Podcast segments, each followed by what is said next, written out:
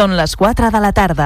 Les tardes d'Altafulla Ràdio, la ràdio del Baix Gaià.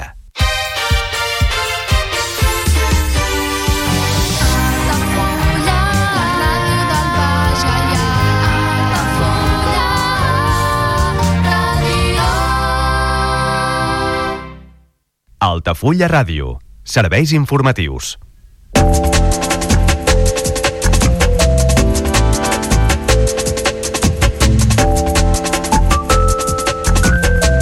Unes 400 persones disfressades omplen els carrers d'Altafulla per Carnaval. Les rues del cap de setmana han comptat amb 5 carrosses i 3 comparses. El dimecres de cendre s'acomiadarà el Carnestoltes. L'àrea de protecció animal d'Altafulla instal·la una vintena de papereres en el marc de la campanya El gos és teu, recull o paga. L'Ajuntament assegura que des de la seva posada en marxa el passat octubre ha notat un canvi de comportament dels titulars de mascotes. Els usuaris i guies del programa Xerrem Junts d'Altafulla celebren una calçotada de germanor. La cita ha servit per donar a conèixer les tradicions catalanes i del territori a aquelles persones nouvingudes que estan aprenent a parlar català. Els ajuntaments de Creixell i Roda de Barà ja han interposat 16 sancions per abocaments incontrolats de restes vegetals a la via pública. La retirada de contenidors destinats a aquesta fracció, fruit de les accions incíviques, fa que la problemàtica passi d'un municipi a un altre.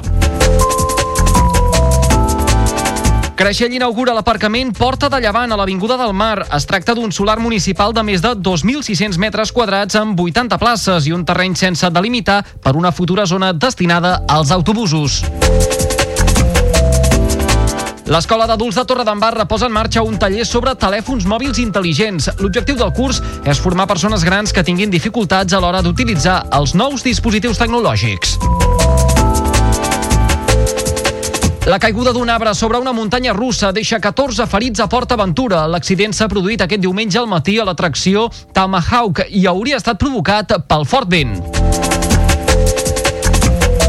L'alcalde de Salou, Pere Granados, demana la dimissió del govern català pels incompliments, diu, amb Hard Rock. El projecte continua pendent de l'aprovació del pla director urbanístic dels terrenys, que està embarrancat perquè falten informes tècnics. I en esports, la palista Anna Ortiz es programa campiona d'Espanya per equips amb el Reial Club Tenis Barcelona. L'Altafollenca i Sandra Oliveres han aconseguit el cinquè i últim punt de la final contra el Club de Polo de Barcelona.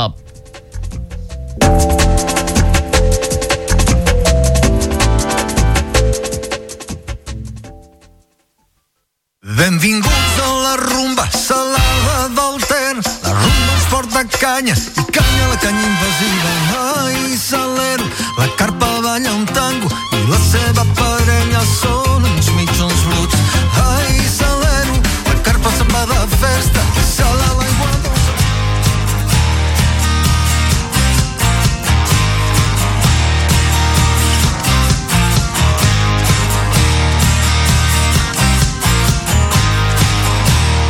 Carrer Major, un programa de ràdio Ciutat de Tarragona, Altafulla Ràdio, Ràdio Montblanc, Ràdio La Selva, Ona La Torre, la nova ràdio de Reus, Ràdio Hospitalet de l'Infant i Baix Camp Ràdio, en col·laboració amb la xarxa de comunicació local.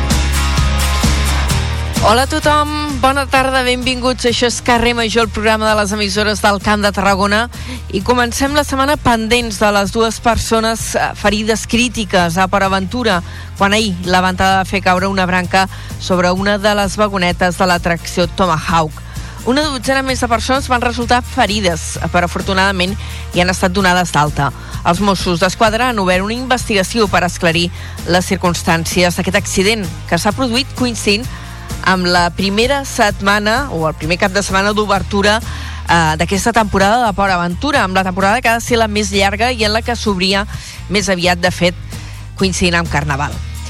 I ara que ja ha passat Carnaval, estem a punt d'encetar la Quaresma, els pagesos, si em permeteu el símil religiós, continuen el seu Via Crucis particular. Al llarg d'aquest cap de setmana i després de l'explosió de protestes que hi va haver ja el dia 6 de febrer, doncs hi ha continuat havent talls de carreteres i protestes més puntuals en diversos punts del país. També avui. I demà dimarts, Unió de Pagesos ha convocat protestes en dos punts estratègics en la comercialització dels productes alimentaris al país. Un és a Barcelona, Mercabarna, i l'altre el tenim aquí a casa nostra i és el Port de Tarragona. I avui, per començar el programa, eh, també ens volem fer el ressò d'una iniciativa del Departament de Salut per prevenir el suïcidi. Per visibilitzar-lo, s'han posat vinils que simbolitzen un forat negre en 90 punts de Catalunya. La campanya interpel·la l'entorn perquè demanin ajuda al 061 i no deixin caure al pou algú amb conducta suïcida. Això és Carrer Major, som 8 emissores del Camp de Tarragona que cada tarda us acompanyem des de les 4 i fins les 6, aproximant-vos les notícies del territori, les persones interessants de casa nostra. L'equip del programa el formem Liri Rodríguez, l'Aleix Pérez, en David Fernández, la Cristina Artacho, l'Adrià Requesens, en Jonai González, l'Eduard Virgili, l'Antoni Mellados, Antoni Mateos, a mateixa que sóc l'Anna Plaça i us acompanyo la primera hora, i el Iago Moreno, que ho domina tot amb els botons del control tècnic. Benvinguts.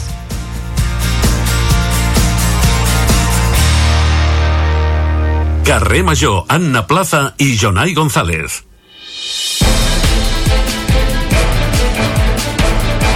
Quatre i sis minuts de la tarda i ara és el moment de fer el repàs de titulars de les notícies que després ampliarem en l'apartat eh, d'informatiu d'aquesta primera hora del programa. Els titulars els repassem amb el Jonai González. Jonai, bona tarda. Molt bona tarda. El vent s'apunta com la causa de l'accident que ahir diumenge va deixar 14 persones ferides a Paraventura quan va caure una branca sobre una vagoneta de l'atracció Tomahawk. Dues encara continuen ingressades en estat crític. I parlant també de vent, Protecció Civil allarga fins a la mitjanit la fase d'alerta del Pla Bencat amb ratxes que poden superar els 72 km per hora al prelitoral sud, al Camp de Tarragona i també al quadrant nord-oest de Catalunya. En successos, els Mossos d'Esquadra investiguen la mort violenta aquest matí d'un home a Cambrils. Els primers indicis, indicis apuntarien a un atropellament intencionat. I en d'altres successos també l'Audiència de Tarragona ha condemnat a dos anys i un mes de presó per colpejar i llançar insults homòfobs a dos homes a Tarragona. L'Agència Catalana de l'Aigua manté contactes amb el Port de Tarragona per si també fos necessari traslladar aigua de l'Ebre amb vaixell a Barcelona. També s'està estudiant quines inversions serien necessàries per fer-ho possible, tot i que asseguren que es tractaria d'una solució excepcional. Unió de Pagesos convoca la pagesia demà a participar en tracturades i concentracions al Port de Tarragona i també en d'altres punts de Catalunya. Les reivindicacions d'aquesta setmana d'Unió de Pagesos se centren en la competència deslleial dels productes i la defensa del model europeu en frontera. I en clau local, Aigües de Reus preveu una inversió de 5 milions d'euros aquest 2024. La major part d'aquest pressupost es destinarà a intervencions per fer front a la sequera. I a Tarragona han acabat ja les obres d'adequació del camp de rugby de l'anella mediterrània que de fet han entrat en funcionament avui dilluns. El fet de tenir unes instal·lacions en condicions era un reclam històric del Club de Rugby Tarragona des de la seva fundació al 1986. I en esports eh, farem balanç de com ha anat el cap de setmana pels eh, equips de casa nostra. D'una banda, el Nàstic ha vençut el Reial Unión per 2 a 1 i s'ha situat com a líder en solitari. Els tarragonins aprofiten l'empat a la Pontferradina per assaltar la primera posició. I en bàsquet, a l'Alep Plata, una victòria de prestigi pel Club Bàsquet Salou davant el Benicarló i una derrota esperable contra el líder pel Club Bàsquet Tarragona. Moltes gràcies, Jonai. D'aquí una estona ho repassem tot molt més detalladament. Fins, Fins ara. després. Adéu.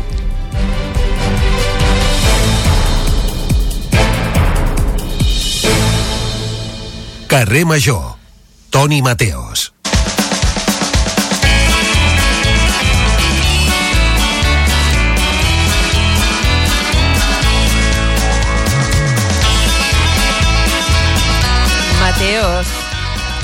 Anna Plaça, bon dia. què, oh, què te passa?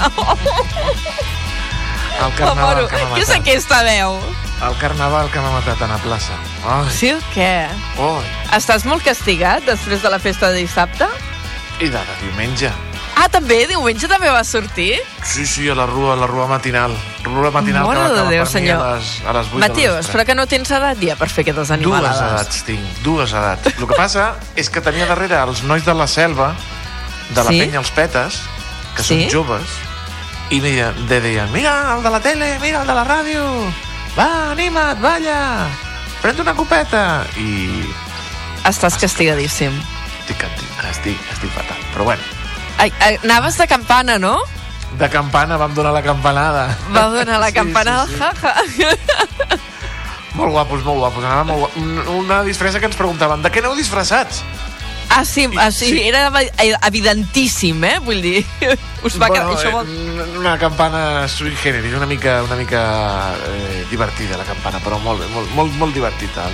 La rua del I què tal el Carnaval de Reus? Com vas tenir temps? De... Clar, si vas a la rua pots veure poc dels altres, però de què tal? Altres. Eh, Què? Molt, molta Barbie, com no? Sí?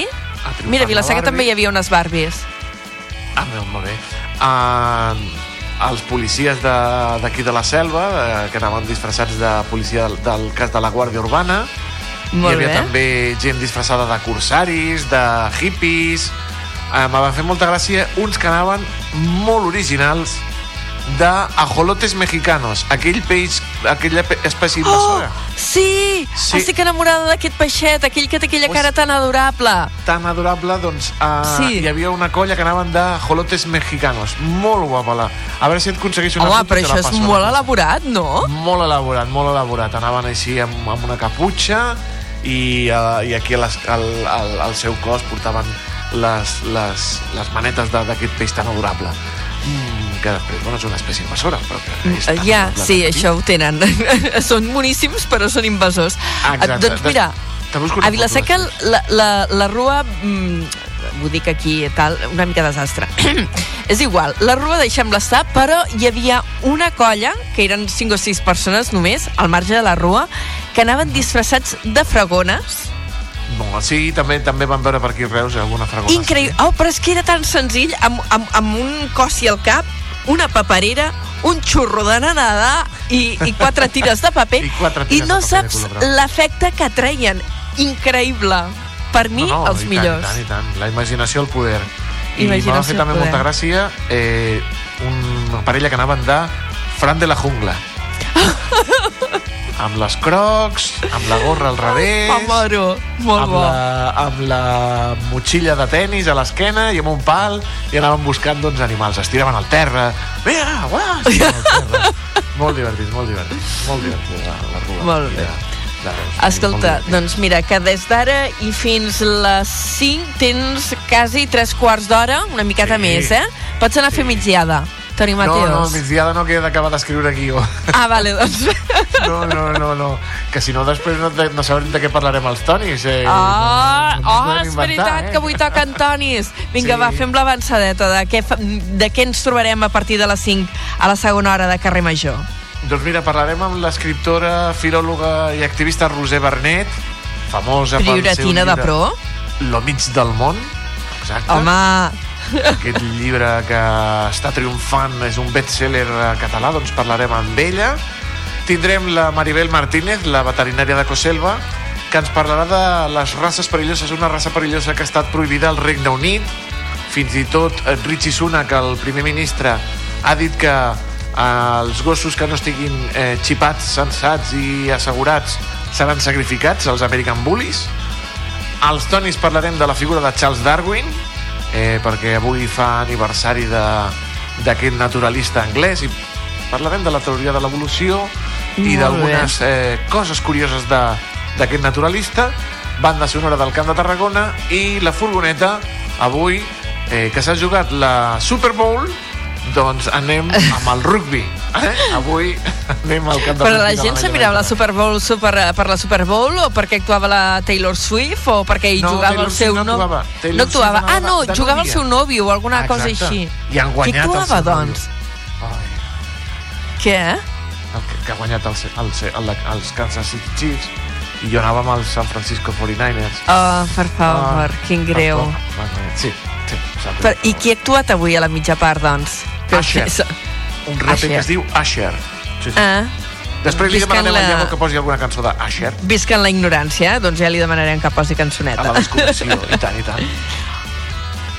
Perfecte. Doncs eh, mira, ara um, jo anuncio qui, tin, qui tenim ara a l'entrevista, perquè a més m'he colat d'una cosa, que és que li havia de passar l'enllaç per fer uh, l'enllaç Ah, de videotrucada per- per i no li he passat perquè com que faig 50 coses doncs sempre n'hi ha alguna que me n'oblido i l'hem hagut de trucar corre, corre jo de com és que no et connectes mm, perquè aquí la Menda que fa guió busca notícies programa entrevistes i tal doncs també havia de passar un enllaç que se n'ha oblidat de passar-lo Gràcies per recordar-m'ho. Ara li passaré jo l'enllaç a la, doncs a la, la passa-li a la Roser Barnet perquè ara tenim la Mercè Puig, que és la secretària general de Comissions Obreres a, a Tarragona, que teníem pendent de parlar de diverses qüestions amb ella i res. Bé, ara la saludem. Molt bé. Tenim Anna. a Teos. Fins ara. Vinga, fins Adéu. ara. Adéu, adéu. Cada tarda de dilluns a divendres fem parada a Carrer Major.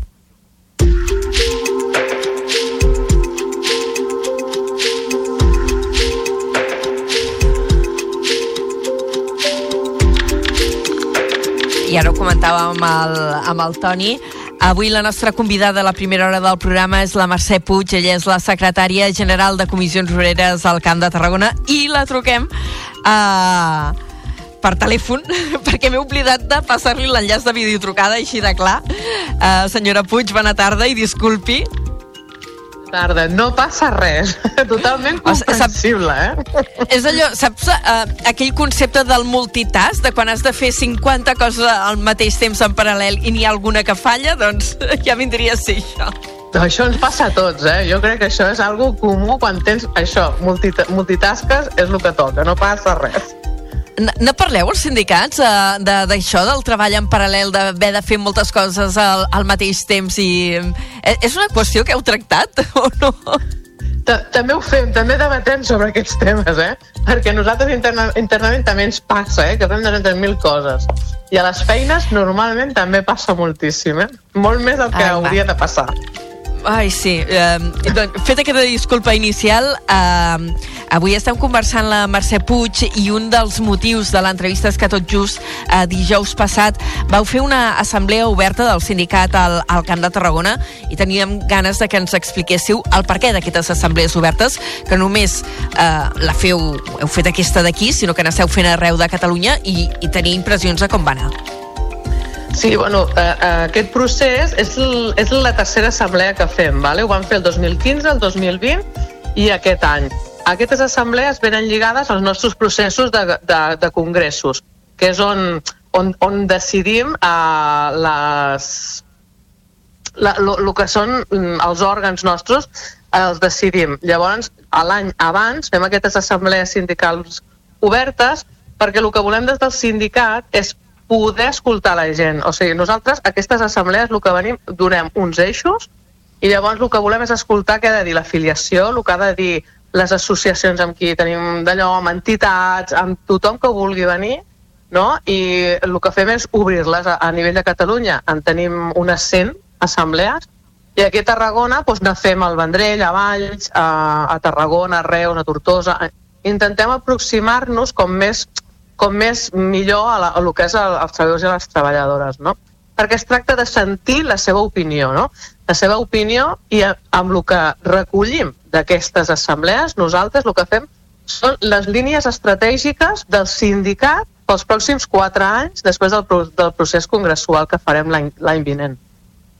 I en aquesta reunió de Tarragona, que és la, la més propera, la última que heu fet, Mhm. eh, quins temes van sortir? Mira, en aquests, nosaltres tenim uns eixos, no? I els eixos que nosaltres hem donat per començar el debat, entre molts altres, eh? Que llavors allí la gent pot parlar i ens pot, i ens pot portar de tot, no? Però han parlat de joves, no? Perquè pensem que és el primer eix que han posat com a número 1, perquè jo penso que és una cosa que és evident eh, que parlem de joves, perquè és molt important, eh, perquè els joves no es poden emancipar, no poden accedir a un habitatge, no tenen treballs estables ni ben remunerats, no? Tenim a la gent jove que ens costa que s'acostin als sindicats, no? I estem buscant el per què, quin és el motiu, eh, com fer-ho, no? D'aproximar-nos. Eh, un, altre, un altre eix, però no pot ser un altre, és el treball, el món del treball, no? Parlar de salaris, de negociació col·lectiva... Llavors, un altre és els drets de la ciutadania. tot el tema que té a veure amb, amb, amb drets socials. Parlem de migració, eh, parlem una miqueta, eh, són eixos que són molt oberts, no? però que nosaltres després eh, es fa tota una recollida no? i, i és molt, molt interessant fer aquestes assemblees on, on escoltes no? i, i et dones compte no? de que al final eh, tots tenim uns com uns objectius no? que són els mateixos però que nosaltres com a sindicat hem d'intentar no, posar-los a, a dins a les negociacions, tant al diàleg social com a la, a la concertació, no? Uh parlant de diàleg social, uh, la setmana passada el govern espanyol uh, aprovava uh, l'augment del salari mínim interprofessional uh, que s'ha elevat uh, fins als 1.134 euros, s'ha superat ja aquell llindar uh, que veníem molt de temps arrossegant de a veure quan s'hi arribarà als 1.000 euros com a mínim uh, i destacaven des del govern espanyol que en 5 anys s'ha incrementat el salari mínim interprofessional un 54%. Uh, valoració des de Comissions Obreres. Nosaltres ho veurem molt positivament. Nosaltres, eh, des del primer dia, vam dir que eh, hi havia una necessitat imperiosa d'augmentar el salari mínim. Mira, hem de pensar una cosa, que hem augmentat el salari mínim interprofessional, però la gent, amb, amb la inflació que hem tingut, la gent és com si s'hagués quedat igual al final. Saps el que et vull dir? Clar, això, imagina't si no haguéssim aconseguit aquesta, eh, aquest augment del salari mínim, no? Quan la patronal es posa tan a la defensiva, nosaltres no ho entenem, perquè no ens diuen que hi haurà me menys, menys llocs de treball, que hi haurà menys ocupació, que no podran, que no, les grans empreses no podran invertir, i ha sigut tot el contrari al final. Està vist que després de la reforma laboral que també van firmar de la contractació més el salari mínim, ha ajudat a que l'ocupació s'estabilitzi, que n'hi hagi més, i ha, i ha ajudat a que la gent que tenen, tenien uns salaris molt, molt baixos, els hagin pogut augmentar una mica per aguantar el cop que han tingut amb tot el tema de la inflació. Um, és que ara estava pensant que a principis de temporada, bueno, ara tornant de les festes de Nadal, uh, vam tenir també aquí al programa el president de la CEPTA, de la patronal tarragonina, i ell deia que amb aquests increments salarials no els hi surten els números, són els seus arguments. Nosaltres amb això sempre hem dit que no estem d'acord. No estem d'acord perquè és que, a més, eh, s'ha vist que totes les grans empreses, després de la pandèmia cap aquí, a passar d'una vegada la pandèmia, han tingut uns beneficis perquè tota aquesta pujada que hi ha hagut, ells després d'aquesta pujada l'han fet al seu producte final. Però els treballadors no han vist ni un cèntim d'aquestes pujades. Si no fos per la negociació col·lectiva als convenis o pel salari mínim, els treballadors no haguessin vist un cèntim. Clar, això, això, això, no, això, no, això no pot ser possible. Jo entenc que ells diguin, és que jo abans guanyava 300 i ara no guanyo 200. Ja, ja, jo ja ho entenc. Però, escolti, és que la gent eh, cada vegada està més empobrida a casa nostra. Hi ha més pobresa a Catalunya i això està demostrat. Escolti'm, vostès també han de treballar en la línia de que, ostres, abans ne guanyava 300, ara ne guanyava 200, però ells ens diuen nosaltres que tenen pèrdues, i això no és veritat tampoc.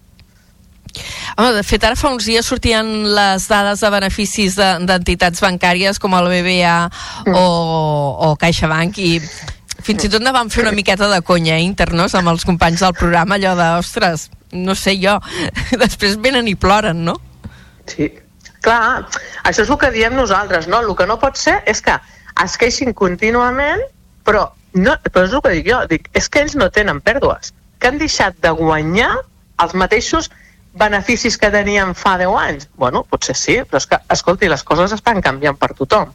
Vostè ha deixat de guanyar 50, però escolti, però segueix guanyant 200. Escolti, m'entén? Mm, i, i, quin, I què reparteix vostè als seus treballadors d'aquests beneficis, no? Ah, quin percentatge en reparteix realment? No? Clar, això no pot ser. S'ha de fer un altre canvi, no? I això és una de les línies que s'està treballant també des de comissió, no? que sempre diem que s'ha de repartir la riquesa. El que no pot ser és que la riquesa es quedi amb quatre i no sigui repartida per tothom, perquè al final, si tu reparteixes els diners, ja, la gent pot sortir a, a, a, a, als museus, pot sortir a fer cultura, pot sortir a fer coses, però si aquesta gent no tenen diners per poder pagar la hipoteca, les factures, el teu dia a dia, com han de sortir? A gaudir del temps lliure o, del, o de la cultura o de qualsevol cosa. Això no pot ser de cap manera. Uh, senyora Puig, a banda d'haver-se aprovat ara fa molt pocs dies, de fet la setmana passada, aquest increment del salari mínim interprofessional, uh, el govern espanyol també ha emprès un procés de negociació per anar reduint uh, la jornada laboral. Des de Comissions Obreres, com creieu que hauria de quedar uh, aquesta jornada laboral? Bueno, nosaltres aquí a Catalunya tenim una cosa que és diferent, que és que aquí a Catalunya quasi, quasi que tenim el 90% dels convenis que ja els tenim sobre les 37 hores i mitja. Nosaltres aquí a Catalunya ja estàvem demanant ja fa temps que nosaltres eh, hauríem d'anar treballant les 35 hores i anar cap a les 32 perquè realment a les negociacions col·lectives que hem aconseguit fer, no? eh, hem aconseguit arribar a aquestes 30 hores i mitja, no? que això és, és beneficiós, i llavors el que volem aquí a Catalunya és anar treballant cap a aquestes 35 hores, perquè realment aquestes, aquestes, uh, aquestes hores que treballem de menys que a més, que és una altra cosa que no entenem, que, que també està la patronal que no està d'acord amb, amb fer aquesta reducció perquè diu que també va en detriment dels seus beneficis, no? que aquí... Oh, suposo no, que el no seu argument és si treballen menys hores hauré de contractar més gent, no em surten els números. Dic jo, Clar, eh? sí, sí, sí, és que sempre, sempre tenen aquesta argumentació. Sempre ho veuen tot en negatiu i diuen que això produirà que hi hagi eh, menys ocupació d'estabilitat, que hi hagi menys... Nosaltres els diríem que sempre estan veient tota la part negativa de tot. També ho deien quan van fer quan, va, quan van fer tota la reforma contractual, amb la reforma laboral, bueno, van posar el crit al cel, perquè, clar, això de ser la gent fixa discontinu, de desaparèixer el contracte d'obra i servei, que tot això els empitjoraria. I ha sigut tot el contrari, eh? Ha millorat l'ocupació, i nosaltres creiem que ara també. Tenim plantilles que són amb unes edats molt elevades. Tenim gent amb atur de llarga durada de més de 40 anys, eh? O sigui, que nosaltres pensem que tot això pot donar estabilitat i ocupació a moltíssima gent que ara mateix no la té. Mm. Ara parlava de, de dades de l'atur, ho ha dit així de passada, no? amb l'estabilització, amb aquests nous contractes, el, el donar més predomini al, als contractes indefinits, eh, però hem vist que l'any mm, veníem d'una evolució relativament positiva després de tot el que havia sigut la crisi de la Covid, de, de recuperació de les taxes d'ocupació, però hem vist que el 2023 s'ha tancat amb un increment d'atur a la demarcació de, de Tarragona. Quina lectura en feu des de, des de Comissions Obreres? Bueno, nosaltres sempre hem dit que, que ens preocupa moltíssim l'atur que tenim a, a, la, a les nostres comarques, perquè realment nosaltres tenim un sector que depenem moltíssim, que és tot el sector de, de serveis, no? i que una vegada hem estabilitzat les plantilles, doncs això fa com una frenada, no?, realment. I llavors el que ens preocupa és que no veiem nous projectes, perquè una vegada s'ha estabilitzat el que és tot el tema del sector serveis, clar, si no hi ha nous projectes industrials, si no creiem no, nous projectes que portin més ocupació al territori, difícilment podrem seguir augmentant amb ocupació i reduint eh, la gent que tenim a l'atur. Clar, això serà molt complicat tindre aquesta regla de 3, eh? Mm -hmm. Home, de projectes ara estava pensant en l'OTE, eh, a Riudor, a Riudoms, a Montroig del Camp, eh, la zona d'activitats logístiques, eh, la indústria mm. també està amb tot el tema de l'hidrogen, s'ha de fer la hidrogenera de Repsol. Per citar-ne alguns, tenim els fons de, de transició nuclears eh, que estan en marxa, que no acabo d'entendre ben bé com funciona perquè han fet un sistema relativament complicat. Eh, sí. No teniu esperances amb aquests eh, diferents eh, actors que tenim sobre la taula de, de dinamització? Saps quin és el problema?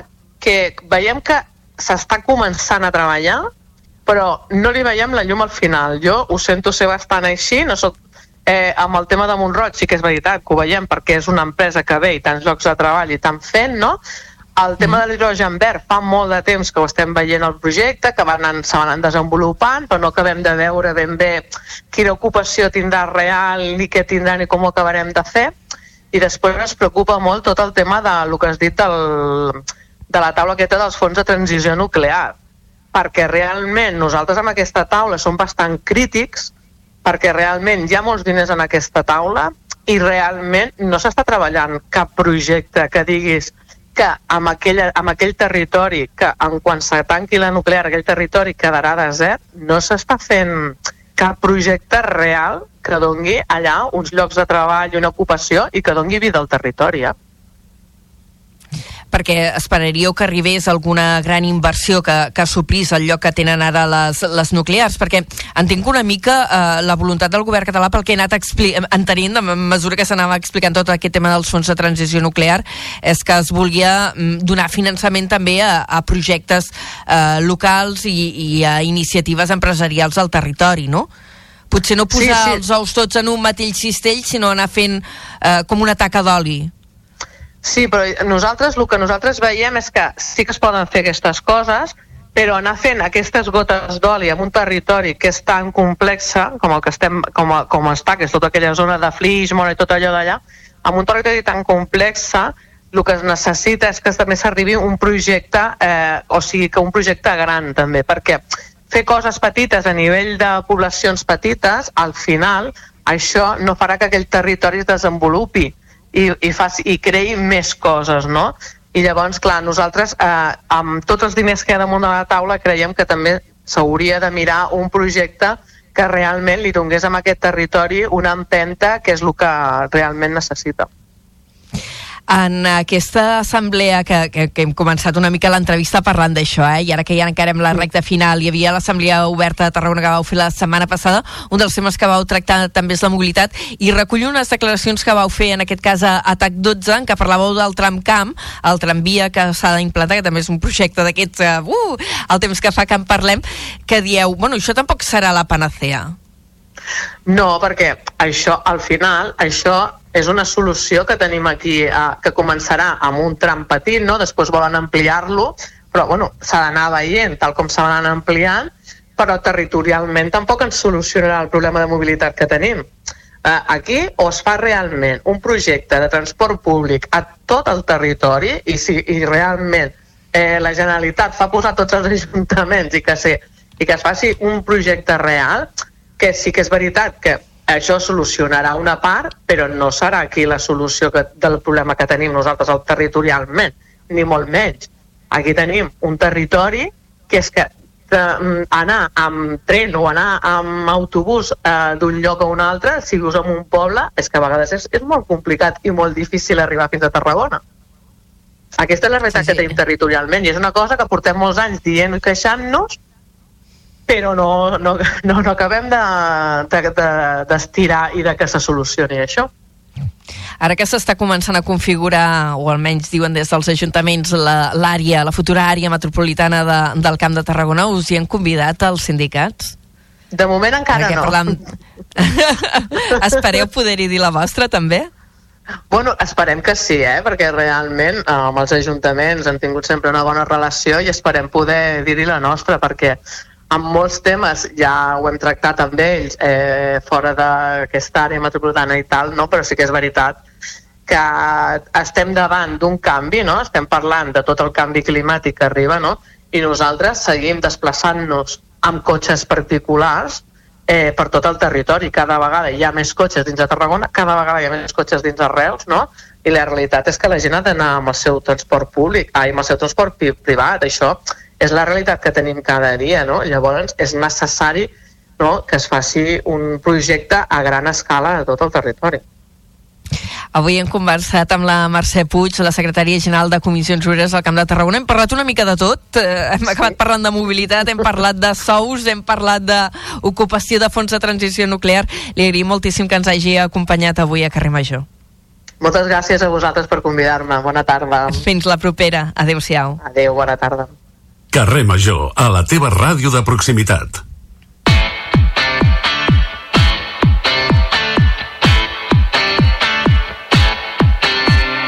Vinga, doncs encetem ara la secció que dediquem cada dilluns a repassar resultats esportius. Ho fem amb el Carles Cortés, del programa Com ho veus, del programa de Dorsal 12, de tantes altres coses que fan Carles per aquests mons de Déu. Escolta'm, eh, el diari de Tarragona em, deia, em sembla que titulava que el Nàstic s'ha disfressat de lideratge aquest cap de setmana. Efectivament, sí, sí, gràcies a la victòria una més aquesta temporada, hem de dir una més perquè ara porta una ratxa de 8 partits sense perdre, 7 victòries i un empat consecutius. I si es va disfressar de lideratge per una cosa, bé, per un doble factor. Un, guanyes el teu partit del cap de setmana, 2 a 1 contra el Real Unión de Irún, i el rival directe, que és la Pontferradina, que és qui era líder fins la jornada anterior, va punxar a casa, va empatar. Per tant, aquest doble factor, aquest doble resultat ha fet que el Nàstic s'hagi disfressat aquest cap de setmana de líder, tot i que jo soc dels que penso que disfressar-se aquest cap de setmana de líder no és eh, representatiu de res, sinó que això és una cursa de fons i encara queda molta jornada. Ha sigut una mica circumstancial, doncs, tens la sensació? Sí, ho és, ho és, ho és, perquè s'han produït aquests resultats igual que la setmana vinent es poden produir uns altres i que el Nàstic perdi el, el liderat. I què voldrà dir això? Que és un dalta baix, que no... No, senzillament que les circumstàncies del futbol són les que són. Aquí el més important és anar guanyant els teus partits, no perdre, ser regular, queden 15 partits encara de Lliga, per tant, si tu aconsegueixes regularitat, tu pots guanyar, tu pots perdre, tu pots empatar, però que sigui regular, eh, això farà que el Nàstic a final de temporada estigui dalt. Per tant, serà important agafar lideratge, per exemple, eh, quan quedin 4 partits, 3 partits, 5 partits. Allà sí que és important, perquè allà és quan t'hauràs de fer fort per mantenir-lo. Ara, circumstancial. Jo t'ho vaig preguntant de com el veus en estat de forma i de joc. Espectacular. L'estat de forma espectacular. De joc, ara en parlarem. Però l'estat de forma espectacular. És la millor ratxa de la temporada, és la millor ratxa dels últims anys a Can Nàstic, 22 punts de 24 possibles, són números extraordinaris. Fregant la perfecció, fregant el 10. Estan en números d'un 9. Seria un excel·lent en, en, en, si estiguéssim a l'escola. Per tant, són fantàstics. A més, va marcar un defensa, que és Joan Oriol, un dels jugadors que acaba d'arribar, que és Alan Godoy, també va marcar un gol. Vaja, l'equip està en una dinàmica molt bona, que veurem si pot mantenir la setmana vinent al camp del Cesteu, on ja hi haurà baixes importants. Dos jugadors, ah. dos defenses, van veure una targeta groga i per acumulació de targetes no podran jugar. Val. Veurem si els relleus també rendeixen exactament igual que està rendint el, el primer equip. I et deia això de l'estat de forma espectacular al joc, no tant, perquè el Nàstic dissabte no va jugar bé, sobretot la segona meitat. No va fer un bon partit, però va guanyar. I ara estem en aquell tram de temporada on segurament costa molt més guanyar els partits, on els rivals cada vegada són més complicats, i el més important és guanyar. Més que el com, el què. És més important guanyar que no com guanyar. Escolta, i aquest partit davant del Sestau com es presenta? Complicat perquè el rival és un d'aquells rivals incòmodes. Està a la part baixa de la classificació, està en zona de descens. Però el seu camp és un camp d'aquells tipis bascos, que és petit, que la gent està molt damunt, que ells quan juguen a casa són molt intensos... Una cafetera, serà vaja. Mm, Va, va, direm-ho així, eh? Però no, no està malament, eh, el camp, vull dir, però, però, però és un equip molt intens, sobretot quan juga a casa. És, és on es fa fort el Sestau. Per tant, és, és un partit incòmode però és un partit d'aquells que si solventes, que si tu guanyes o com a mínim empates i per tant treus un resultat positiu, et fa dir que estàs pel bon camí. Carles, eh, això és el que ha fet el Nàstic, que s'ha situat líder, ja veurem si es tracta d'un lideratge circumstancial, si el poden mantenir setmanes o bé, haurà sigut això, la disfressa de Carnaval. Eh, els altres equips del territori, els que estan a tercera federació, què han fet aquest cap de setmana? Un poti-poti, una mica de tots. Poden donar-se tres resultats en un partit de futbol, guanyar, empatar o perdre, doncs tenim els tres resultats aquest cap de setmana. Guanya aquí, al Reus, va guanyar 0-3 al camp de la Muntanyesa. Aquesta és una victòria de prestigi, perquè el camp de la Muntanyesa és dels complicats de la categoria. I a més l'equip del Marc Carrasco torna a la promoció d'ascens. Gràcies a aquesta victòria, cinquè, promoció d'ascens. Qui va empatar? La Pobla a casa contra el Prat. Potser va mereixer guanyar perquè va tenir moltes ocasions, però no va estar encertat. Per tant, empat, 0-0 en aquest cas, la Pobla a 4 punts de la promoció, mitja taula, tranquil·la, i qui va perdre? Anna. La Rapitenca, pobrets. Pues això. Ja t'ho dic, eh? Em compraré un, un peluix i li posaré una samarreta de la Rapitenca i... Doncs això, a més va perdre l'altra punta de país, Pobrets. va perdre Paralada, va jugar a Paralada, l'altra punta de país. cansats per del viatge. Correcte. I, i, i no sé, no sé si eh, el camp de, o, o sigui, nosaltres al camp de Tarragona tenim molt de vent. No sé si a Paralada el dissabte, perquè van jugar dissabte, també feia molt de vent o no, però va perdre 1-0 la Rapitenca, que continua en zona de descens i està a 4 punts de la permanència. I atenció, diumenge vinent, pels amants del futbol de casa nostra, de la demarcació, derbi. Rapitenca Pobla, diumenge a les 12 a Sant Carles de la Ràpita. Doncs mira, la, la, el diumenge que ve se n'anem d'excursió cap a l'Ebre, escolta, I cap fer- problema. I fer una rosset, no? Fer una roseta, aprofites, Ah, clar, d'això es tracta. Uh, bàsquet, uh, n'hi ha hagut també un de cada, no? Sí, a l'Ale Plata sí, sí, sí. D'alguna manera ha passat el que havia de passar i que ningú Era s'ofengui, previsible. Eh? Sí, que ningú s'ofengui, eh? perquè el que havia de passar és que el Club Bàsquet Tarragona va perdre a la pista del líder, a més amb contundència de 33 punts, Això- 93 a 60. Pobrets, quan ho he vist...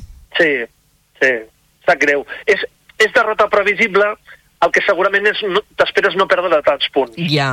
Sant Antoni 93, Club Bàsquet Tarragona 60, 33 punts de diferència. És una Club repassada, no? Sí, clar, clar, en tota regla. Que fa mal. Previsible, però fa mal per, per la quantitat de punts, eh? per la diferència de punts. Sis victòries, Club Bàsquet Tarragona, ja ho hem dit, ho estem dient, a seguir treballant per aconseguir la permanència, lluitarà fins l'últim dia i esperem que ho pugui aconseguir. I la bona notícia és del Salou, va guanyar 66-57 davant del Benicarló. És doble bona notícia. Guanyes i guanyes un rival directe a la classificació amb qui empates. Salou cinquè, 12 victòries, i agafa, atrapa el Benicarló a la classificació. Per tant, bona victòria d'aquelles contra un rival directe. No ha pogut recuperar el bàsquet a Baraix perquè va perdre de més punts a Benicarló a la primera volta, però has guanyat i aquest és un pas molt important també endavant en aquesta lluita per estar entre els millors. I possibilitats de play-off pel Salou? Sí, sí, sí, sí, està viu, està viu. Aquí el més important és estar viu en aquest tram de temporada. I llavors, quan quedin 4, 5, 6 partits, fer l'assalt definitiu a quedar el millor classificat possible. Per opcions de playoff d'ascens, i són... Ascens és una altra pel·lícula, eh? Però opcions de jugar al playoff d'ascens, totes pel Salou de Jesús Muñiz, totes. I pel, pel Valls, que juga a Lliga EVA, com, com, mira, El el, Valls. Avui no ho he mirat, eh? No, ha guanyat, no, ha guanyat. Ha guanyat. Ha tornat a guanyar, sí, però saps què passa? Què? Que han tornat a guanyar els dos primers. Ah, sí, era allò que anaven tan empatats, clar, oi? Clar, és que el Valls de Víctor Neila està fent una temporada sensacional. 14 victòries, només 4 derrotes. 14-4 en 18 jornades. Aquesta última contra el filial de la penya, del Joventut de Badalona. 77-69. Però clar, és que la Bisbal d'Empordà torna a guanyar, és que el Mollet torna a guanyar. Bisbal 17 victòries, una derrota, Mollet 16-2. És, anar, és, és, és remar, remar, remar, remar el Valls, no defallir, i esperar, com dèiem la setmana passada, els resultats directes per intentar atrapar-los. Però fa una gran temporada, però és que els rivals estan d'una manera esplèndida. I posar palmetes a la Mare de Déu de la Candela, eh? Potser també. Per exemple, per exemple, sí, sí, sí. Insisteixo, eh? És que no, no hi ha res a retreure, eh, al Valls, res. Eh, L'únic és dir, escolta, si els altres punxen algun partit, espera, no queda un altre. Anem a parlar d'hoquei. Carles, Sí. uh, teníem un derbi a la Champions i després hi ha hagut la Lliga regular aquest cap de setmana en què el Calafell ha guanyat, el Reus ha empatat. Correcte, el, der el derbi ràpidament, eh? La Champions va guanyar el Reus 5 a 4 al Calafell i això va fer que eh, el Reus no tenia res a fer ja en el que queda de jornada, només queda una jornada de Champions, però va guanyar allò de l'orgull i ara el Calafell té una combinació bastant complicada per intentar entrar entre els dos primers. Podria ser, però depèn del resultat també de l'Sporting Club de Portugal. Això ho parlarem la setmana vinent, perquè la Champions no torna fins la setmana vinent. Eh, Us faré un, un, un, unes aproximacions numèriques del que hauria de fer el Calafell per passar Val. però depèn del, del gol a veraix. Has de, has, has, de, has de fer càlculs, vaja, no és tan senzill. I sóc de lletres pures, vull dir que necessito, necessito temps, Ah. jo necessito temps. Podríem dir que no depèn d'ell. Eh, no, clar, clar, no depèn d'ell. No, no, no. És, és més, depèn del Reus. Ja. Ostres, O sigui, el Reus hauria de guanyar l'Sporting de Portugal. Sí, mare sí. de Déu. Ho explicaré la setmana... O sigui, el Calafell ha de guanyar el seu partit i que el Reus guanyi a la pista de l'Sporting de Portugal. Tu has a més, estudiat bé amb una l'estratègia? combinació de Digues, resultats. digues. Ah, a més, amb una combinació de resultats. Eh, faig números i la setmana Tu, tu, vinent cal, ara intento tu calcula, tu explicar-ho. fes números de gols i coses i la setmana que ve a veure si ens en sortim. Escolta, Correcte. i pel que fa a la Lliga hem dit això, Sí. no? Que la Fella ha guanyat, Reus ha empatat. Què Correcte, suposen la- aquests resultats? Bona victòria al Calafell, 4-1 davant del Girona, tercer Calafell, tercer 31 punts a 3 del Noia, a només 3 del segon classificat. Per què? Perquè el Reus va aconseguir un meritori empat a la pista del Noia, 4-4, i Molt bé. La classificació a la part alta. Barça, allò, allò del Barça ja no ho comento, eh? Sí, ja, perquè van, ja vas dir que anaven disparats de- per davant sí, i sí. res a fer. Res, res. Segon Noia, 34, tercer Calafell, 31, Voltregà i Liceo, 29, Igualada i Reus, 26. Està ajustadet i veurem què passa la pròxima jornada, perquè hi ha un Reus Igualada, duel directe, i el Calafell visita la pista al Barça. A veure si pot esgarrapar i dona la sorpresa al Calafell a la pista al Barça. Això jugarà dissabte, a veure si pot aconseguir el Calafell. I, i deixa'm també dir un apunt d'hoquei ràpidament, en Digues. parlarem quan arribi, eh? però es va sortejar quarts de Copa, o s'ha sortejat la fase final de la Copa, Sí? i, i no hem tingut sort, eh? Ni el Reus ni el Calafell, eh? Perquè els hi han tocat uh, líder... Ai, ah, vale. Que són sí, ara- Barça? Mira, correcte. Barça-Reus, i qui és el segon, el Noia? Doncs Noia-Calafell. Molt O sigui, bé. els dos primers classificats els hi han tocat, el Reus i el Calafell. Per tant, no serà fàcil, però ja arribarà 7-10 de març a Calafell. En falta quan arribi. dies. Uh, Quina fase és de la Copa? Quarts de final, que juguen 7 i 8 de març, el dissabte jugaran les semifinals, dissabte 9 de març, i el dia 10 la final. És un cap de setmana d'hoquei espectacular a Calafell del 7 al 10 de març. Doncs vinga, apuntat al calendari i acabarem eh, el repàs a l'actualitat esportiva com fem normalment parlant del Sant Pere i Sant Pau, de vòlei, que ha Bona tornat, victòria. Sí, bona ha tornat a victòria. guanyar. Sí, sí, que, Sí, per com sí. li ha anat? Bé, 3 a 0. Eh, no, no sé si dir fàcil, eh? perquè al món de l'esport tampoc no hi ha res fàcil. Victòria 3 a 0, còmoda, del vòlei Sant Pere Sant Pau, manté el liderat, còmode, 13 victòries, dues derrotes. Sí que té l'Ibiza just una derrota per sota, però fixa't, eh? fa, no sé si eren 3 o 4 jornades, havia perdut a la pista de l'Ibiza i Sí. manté aquesta victòria d'avantatge. Per tant, situació còmoda pel vòlei Sant Pere Sant Pau, victòria, liderat, tranquil·litat, i, i a pensar en seguir guanyant i consolidar-se en aquest liderat a final de temporada. Doncs hem fet així la repassada general a- als resultats esportius d'aquest cap de setmana, com fem tots els dilluns amb el Carles Cortés, que ens acompanya amablement per fer aquest repàs. Carles, dilluns que ve hi tornem. números. Te'n vas... Fer números del, De del l'hoquei. l'hoquei patins i, i del Calafell i del Reus i de l'Sporting de Portugal i del Benfica. També t'he de dir que si en tu, que estàs posat en aquest món, et costa, imagina't, igual a mi me rebenta el cap, eh? També ho... Bueno, eh, clar, és que has de guanyar el teu partit, esperar que l'altre perdi, però també influeix la diferència de gols. I llavors ja això tot es complica una mica. Doncs va, deixo amb la calculadora. Molt bé. Xerrem Gràcies, dilluns. Anna. Una abraçada. Adéu. Adéu. Carrer Major, al Camp de Tarragona, des de ben a prop. Que ja passa un minut de tres quarts de cinc de la tarda i tenim moltes notícies uh, per repassar. Uh, Jonai, bona tarda de nou. Molt bona tarda de nou. Comencem explicant que Protecció Civil allarga fins a la mitjanit la fase d'alerta del Pla Bencat amb ratxes que poden superar els 72 km per hora al prelitoral sud, aquí a casa nostra al Camp de Tarragona, i també al quadrant nord-oest de Catalunya. L'alerta s'amplia a tota la meitat oest del territori, especialment al Ter Sud i al Pirineu Oest. Així, les comarques de la Val d'Aran, Alta Ribagorça, Pallars Sobirà, Tarragonès, Ribera d'Ebre i Baix Ebre s'afegeixen al risc elevat de ventades de la Noia, el Penedès, Baix Penedès, el Camp i Baix Camp, la Conca de Barberà i el Priorat. L'episodi preveu una pujada i una baixada molt brusca de velocitat del temps. Precisament el vent s'apunta com la causa de l'accident que ahir diumenge va deixar 14 persones ferides a Paraventura eh, quan va caure una branca sobre una vagoneta de l'atracció Tomahawk. Dues encara continuen ingressades en estat crític, les altres hi han estat donades d'alta. Mentrestant, els Mossos d'Esquadra s'han fet càrrec de la investigació per aclarir les circumstàncies de l'accident. L'accident es va produir al matí a l'atracció Tomahawk a l'àrea del Far West. Segons fons del mateix parc, la forta ventada va fer caure un arbre i algunes de les branques van impactar contra els usuaris de l'atracció. Els ferits crítics són dues persones adultes que van ser traslladades a l'Hospital de Bellvitge i al Joan 23 de Tarragona. Alguns testimonis han explicat a l'Agència Catalana de Notícies que s'han assabentat de l'accident quan han vist les ambulàncies i l'helicòpter. El Javier i el Xavier Acosta són pare i fill i ahir estaven passant el dia a PortAventura.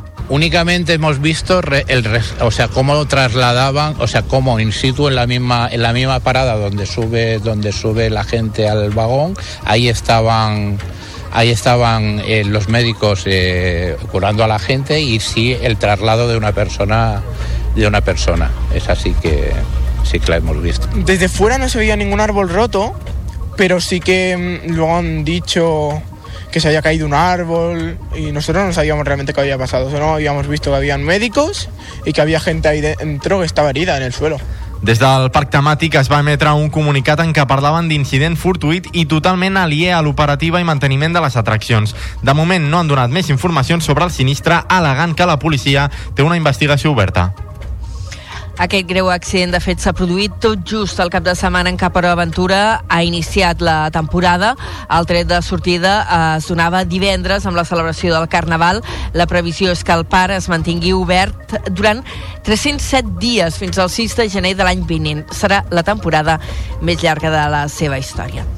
Dit això, eh, els Mossos d'Esquadra estan investigant la mort violenta d'un home a Cambrils. Els primers indicis apuntarien a un possible atropellament intencionat. Els fets s'han produït aquest matí i ens ho amplia des de Ràdio Cambrils el Gerard Amigó. Un home ha mort de manera violenta aquest dilluns al matí en un camí entre Cambrils i Vinyols i els Arcs, segons han revelat els Mossos d'Esquadra. Els fets han succeït al voltant de dos quarts d'onze del matí quan el 112 ha rebut l'avís d'un atropellament en un camí rural entre Cambrils i Vinyols pertanyent al terme municipal de Cambrils. Fins al lloc dels fets s'hi han desplaçat patrulles dels Mossos d'Esquadra, policia local de Cambrils, bombers i el SEM. Han intentat reanimar el pacient però ja era massa tard. Els agents treballaven amb la hipòtesi que era un possible atropellament, però en realitat era un homicidi o assassinat. Els Mossos estan investigant els fets i un dels principals objectius és localitzar l'autor del crim. Gràcies, Gerard. L'Audiència de Tarragona ha condemnat a dos anys i un mes de presó per colpejar i llançar insults homòfobs a dos homes a Tarragona. L'acusat ha reconegut que va insultar diverses vegades una de les víctimes i li va donar un cop de puny. El culpable també ha admès que va agredir a l'altre home que va auxiliar el primer. El Ministeri Públic demanava inicialment 5 anys de presó pels delictes contra els drets fonamentals, dos delictes lleus de lesions i un altre de lesions de deformitat.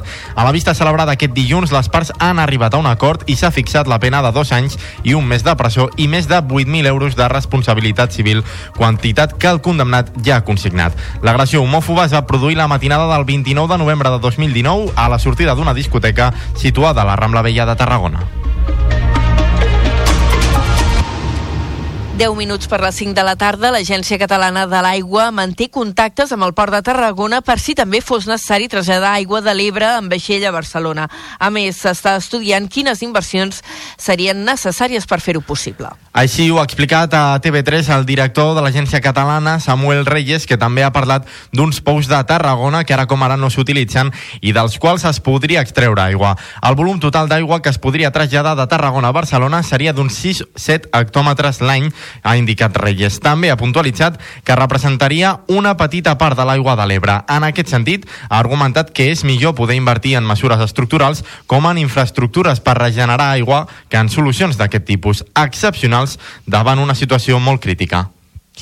I una de pagesos convoca la pagesia demà a participar en tracturades i concentracions al Port de Tarragona i altres punts de Catalunya com Mercabarna i també a les comarques de Girona. Les reivindicacions d'aquesta setmana d'Unió de Pagesos se centren en la competència deslleial dels productes que no compleixen els estàndards europeus i la defensa del model europeu en frontera, a més de la necessitat d'una reciprocitat en les relacions comercials sobre l'ús de fitosanitaris. A més, el sindicat denuncia que aquesta llei és insuficient perquè no actua per reforçar el paper dels productors, ja que el Ministeri ha d'establir els criteris per determinar els costos de producció i aconseguir que els preus en origen se situïn per damunt dels costos. L'aeroport de Reus ha incrementat un 11% les operacions al mes de gener. S'han comptabilitzat, a més, més de 1.400 moviments a les seves instal·lacions. Ens ho amplia des de la nova ràdio de Reus, la Laura Navarro. L'aeroport de Reus registra un total de 1.414 operacions durant el mes de gener, una xifra que suposa un increment de l'11,2% en relació als moviments registrats al gener de l'any passat. En quant a passatgers, s'han registrat un total de 766 viatgers que han passat per les seves instal·lacions, una xifra que s'incrementa un 95,9% en comparació l'any passat. A més, l'aeroport busca allargar la temporada 2024 amb noves rutes i hi haurà nous vols directes a les ciutats britàniques de Manchester, Londres i Belfast i el retorn d'algunes companyies, com és el cas d'EasyJet. També es va anunciar l'augment d'operacions del TUI, el que podria provocar un creixement a l'aeroport del 13% durant aquest any. En política, recollim avui paraules de l'actual president del PP a Catalunya, el tarragoní Alejandro Fernández, que defensa l'àrea metropolitana, però sempre que respecti la capital de Tarragona. Fernández ha passat pels micròfons de Ràdio Ciutat de Tarragona, on també ha comentat sobre altres aspectes com l'amnistia o la possibilitat que els populars multipliquin per 5 els seus resultats en les properes eleccions. Ens ho amplia des de Ràdio Ciutat de Tarragona la Cristina Artacho. Conseller a l'Ajuntament de Tarragona entre el 2003 i 2016 i alcaldable popular en les eleccions municipals municipals del 2011 i 2015, Alejandro Fernández afirma que sempre l'ha preocupat la política municipal i la troba a faltar. Ha explicat que li hauria fet molta il·lusió ser alcalde i que per molt que faci vida a Barcelona, continua sent veí de Tarragona. No perd de vista l'actualitat local, tot i que admet no tenir-ne tant coneixement com abans. S'ha mostrat a favor de l'àrea metropolitana, sempre que respecti la capitalitat de Tarragona. Diu que el fet de posar aquesta condició per donar-hi suport no és per tarragonisme, sinó perquè creu que un projecte com aquest necessita un lideratge definit. Mentre es respecti el lideratge de Tarragona com a capital en una fórmula d'aquestes característiques, tindrà el meu suport. Si no es respecta, no tindrà el meu suport, però no per una qüestió de tarragonisme en termes futbolístics o passionals, sinó perquè crec que si no hi ha un lideratge clarament definit en una àrea d'aquestes característiques, a Barcelona ningú no dubta qui té el lideratge. I és veritat que les dimensions a, a Tarragona no són com les de Barcelona i que és veritat que tenim dues ciutats, Tarragona és més gran, però amb una diferència eh, relativament petita eh, respecte de Reus. Però el lideratge l'ha de tenir la capital. En clau nacional, Alejandro Fernández ha fet referència a l'amnistia. Seguint la línia del seu partit, s'hi mostra contrari. Argumenta que és mentida que es faci buscant la reconciliació i la convivència. Parlem ara d'inversions, les que preveu fer enguany Aigües de Reus amb un volum econòmic de 5 milions d'euros. La major part d'aquest pressupost es destinarà a intervencions per fer front a la sequera. Des de la nova ràdio de Reus ens ho explica la Laura Navarro.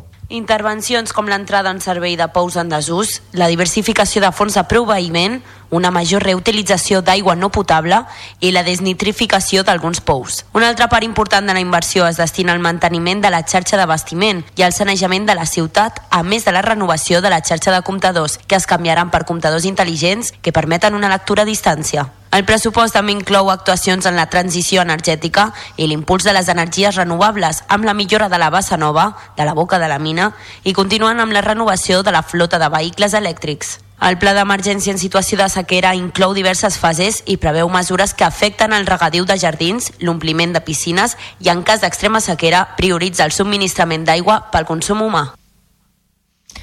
I en Crònica Municipal de Tarragona, eh, dos apunts. Una banda Esquerra Republicana reclama que s'eliminin les noves places d'aparcament de pagament. Considera que la implantació de noves zones verdes només té una finalitat recaptatòria. Els republicans presentaran aquesta moció al ple de divendres juntament amb altres dues.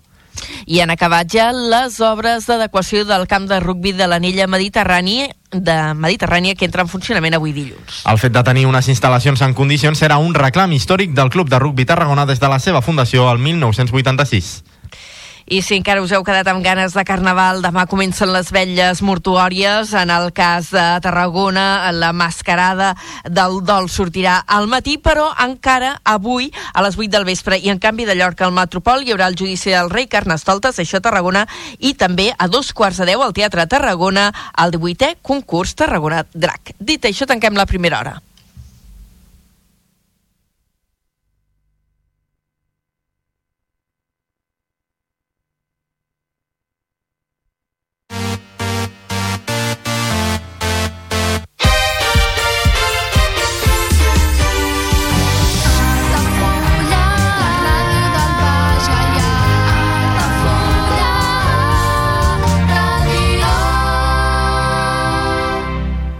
Ja coneixes les propostes que t'ofereix el Club Marítim Altafulla? Vine i descobreix totes les nostres activitats. Sortides en caiac o pa del surf, cursos de vela per a totes les edats. No t'ho perdis. Club Marítim Altafulla. Obert tot l'any i per a tothom. Comunions 2024. Dates ja disponibles amb sales privades, jardí, pàrquing privat i la millor gastronomia. Més informació i reserves al 977 65 11 55 i a comercial arroba altafullamarotel.com o al web altafullamarotel.com. Les teves celebracions familiars a l'Altafulla Mar Hotel.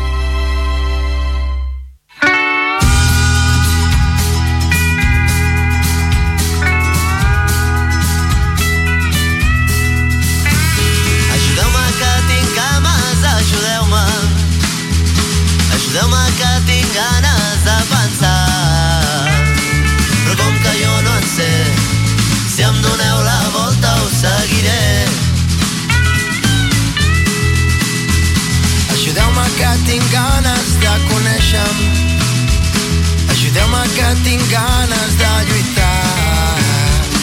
Però com que jo no en sé, si em doneu la volta us seguiré.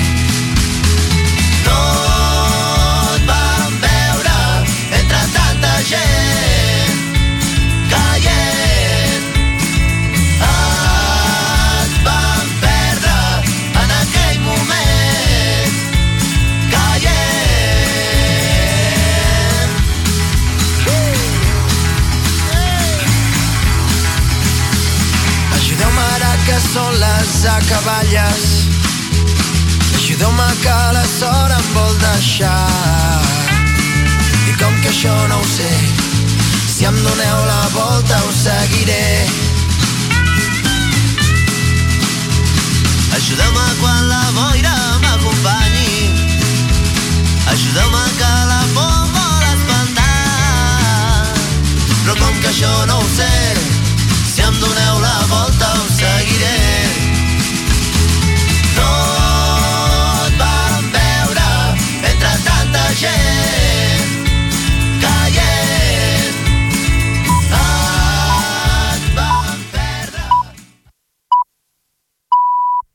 Són les 5 de la tarda. Les tardes d'Altafulla Ràdio, la ràdio del Baix Gaià.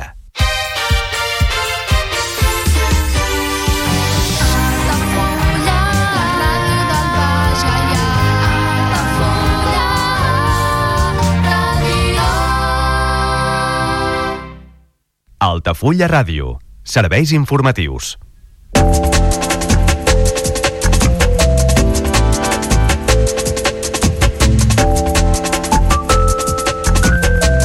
Unes 400 persones disfressades omplen els carrers d'Altafulla per Carnaval. Les rues del cap de setmana han comptat amb 5 carrosses i 3 comparses. El dimecres de cendre s'acomiadarà el Carnestoltes. L'àrea de protecció animal d'Altafulla instal·la una vintena de papereres en el marc de la campanya El gos és teu, recull o paga. L'Ajuntament assegura que des de la seva posada en marxa el passat octubre ha notat un canvi de comportament dels titulars de mascotes. Els usuaris i guies del programa Xerrem Junts d'Altafulla celebren una calçotada de germanor. La cita ha servit per donar a conèixer les tradicions catalanes i del territori a aquelles persones nouvingudes que estan aprenent a parlar català. Els ajuntaments de Creixell i Roda de Barà ja han interposat 16 sancions per abocaments incontrolats de restes vegetals a la via pública. La retirada de contenidors destinats a aquesta fracció, fruit de les accions incíviques, fa que la problemàtica passi d'un municipi a un altre. Creixell inaugura l'aparcament Porta de Llevant a l'Avinguda del Mar. Es tracta d'un solar municipal de més de 2.600 metres quadrats amb 80 places i un terreny sense delimitar per una futura zona destinada als autobusos.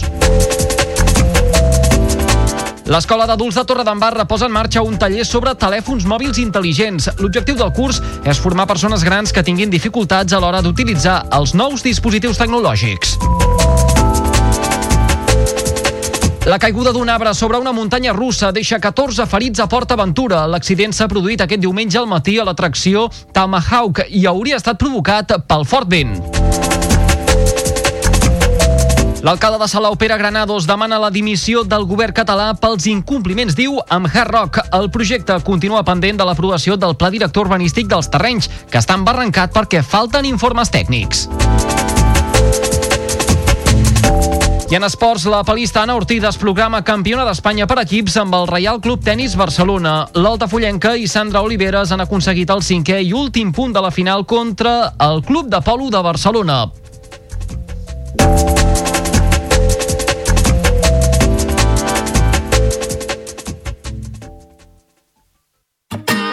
He passat 16 hores amb els ulls mullats. Marxar no serà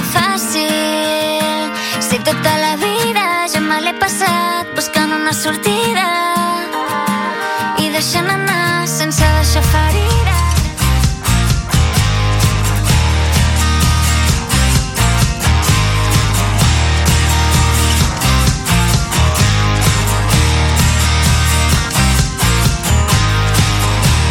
Carrer Major, Toni Mateos i Aleix Pérez. Hola, què tal? No sé si han vist per internet, eh, és una cosa que està molt de moda, les imatges d'una competició molt curiosa. Es tracta de un concurs de bufetades. Sí, sí, de pantoflades a la cara. Consisteix en dos rivals, un davant de l'altre, amb un atril, que es van donant bufetades per torns cada 30 segons, fins que uns dels dos es manté d'en peus i l'altre no aguanta més i acaba al terra, doncs, fent una migdiada.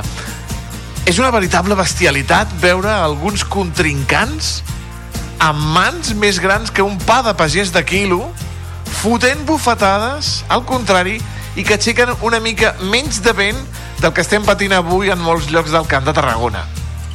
Doncs amb els milions de visualitzacions i les apostes que corren per tot arreu en aquest tipus de vent, un milionari, en Dana White, magnat de les arts marcials i dels seus canals de difusió, vol crear la primera lliga professional als Estats Units de bufetades, la Power Slap.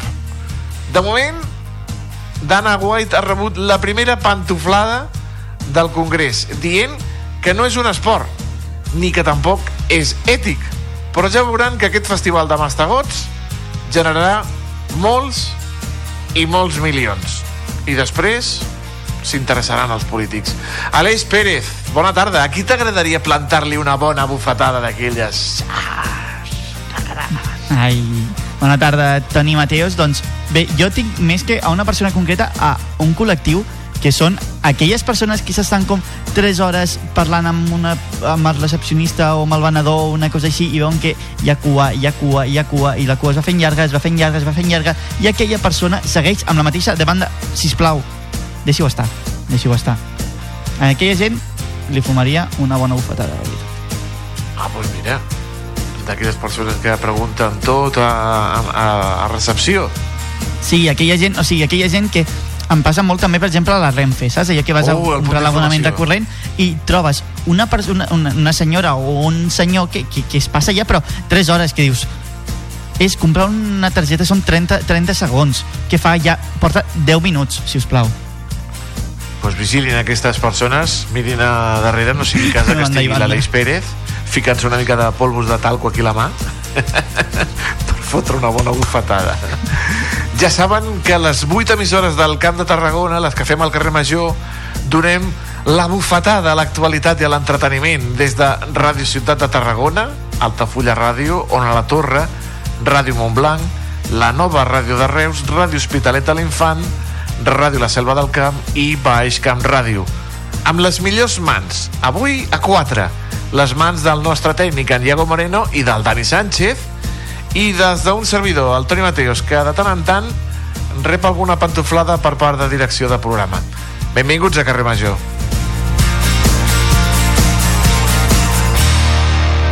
Tot el que passa al Camp de Tarragona t'ho expliquem a Carrer Major.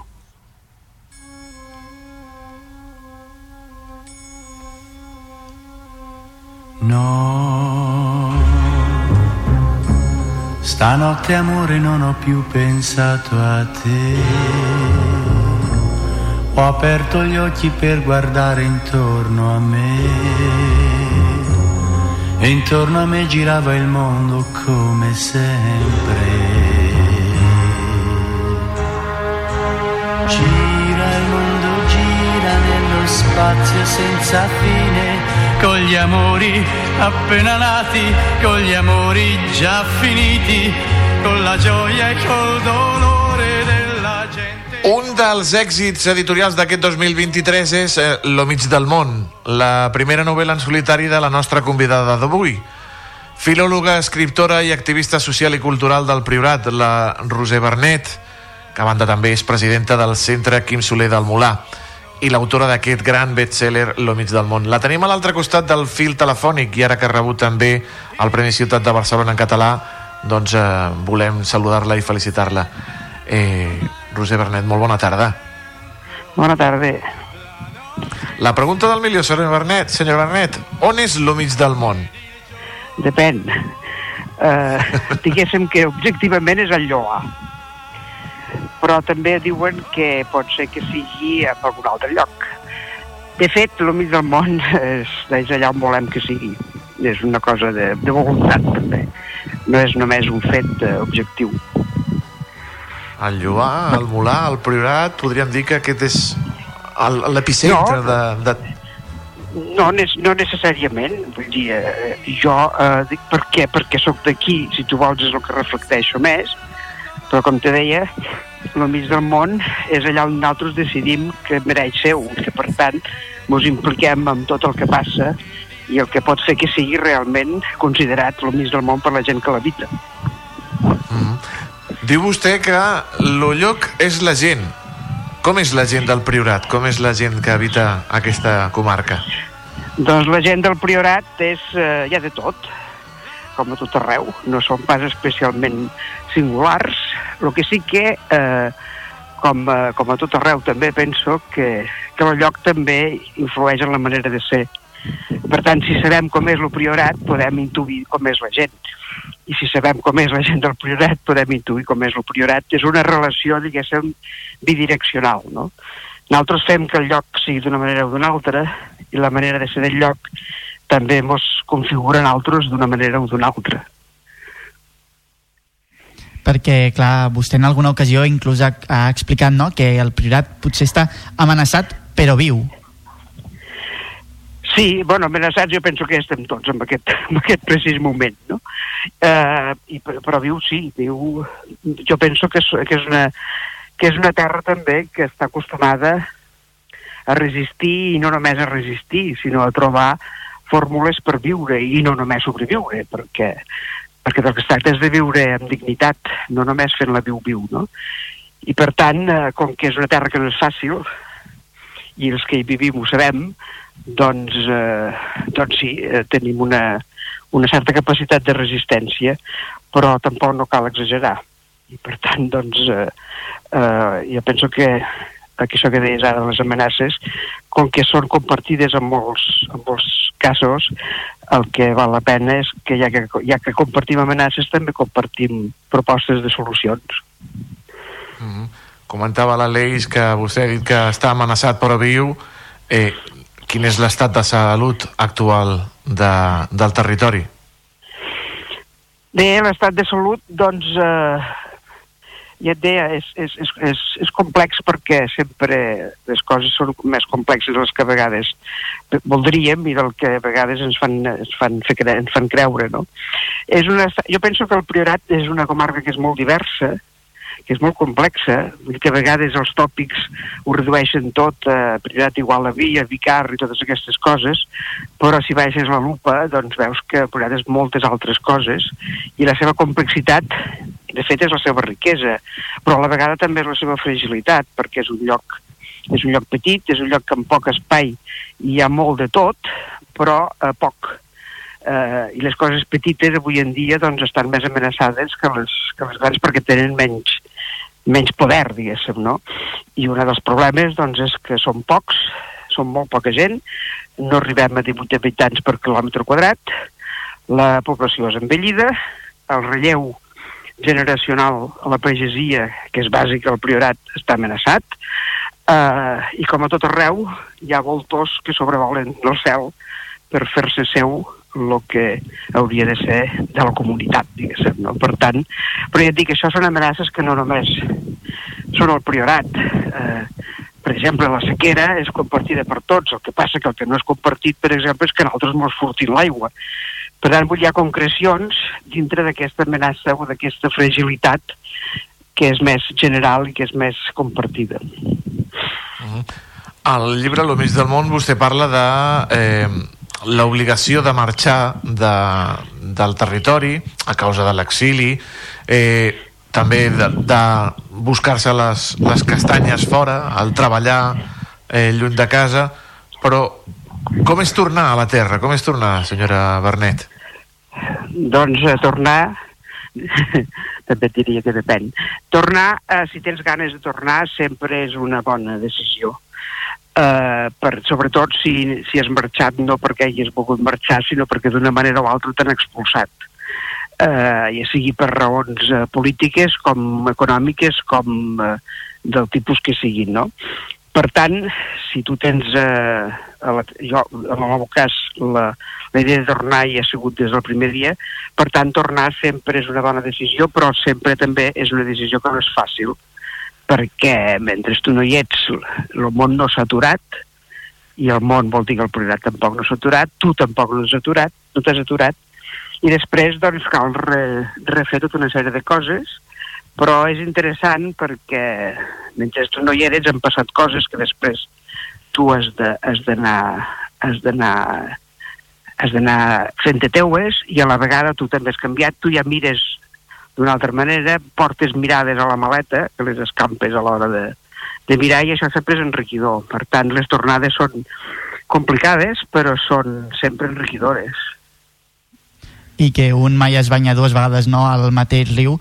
Jo tinc una pregunta també en relació a, en un tema doncs, tan a dins, tan personal i alhora també doncs, que preocupa tant, com es transmeten totes aquestes emocions i totes aquestes sensacions que he anat eh, comentant durant l'entrevista en el paper? Perquè clar, una cosa també és una mica sentir-ho i alhora també és poder-ho transmetre o no en, en les paraules. Doncs no ho sé, fent-se, escrivint molt, eh, donant-hi moltes voltes, caminant molt, deixant que les coses eh, madurin, no voler, no voler córrer, no voler cremar etapes, i, eh, i això, i polint, i destilant, i, i, i tenir la sort de tindre un editor al teu costat que t'ajuda a tot això.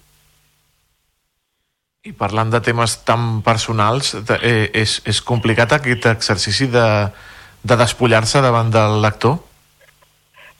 Eh, sí i no. Eh, jo penso que, que d'una manera o altra, encara que no ho sapiguem, eh, despullar-nos ho fem amb la nostra manera de, de, de passar pel món, no?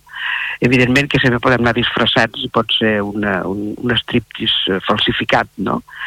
Però quan baixem la guàrdia tots ens, ens despullem d'una manera o d'una altra.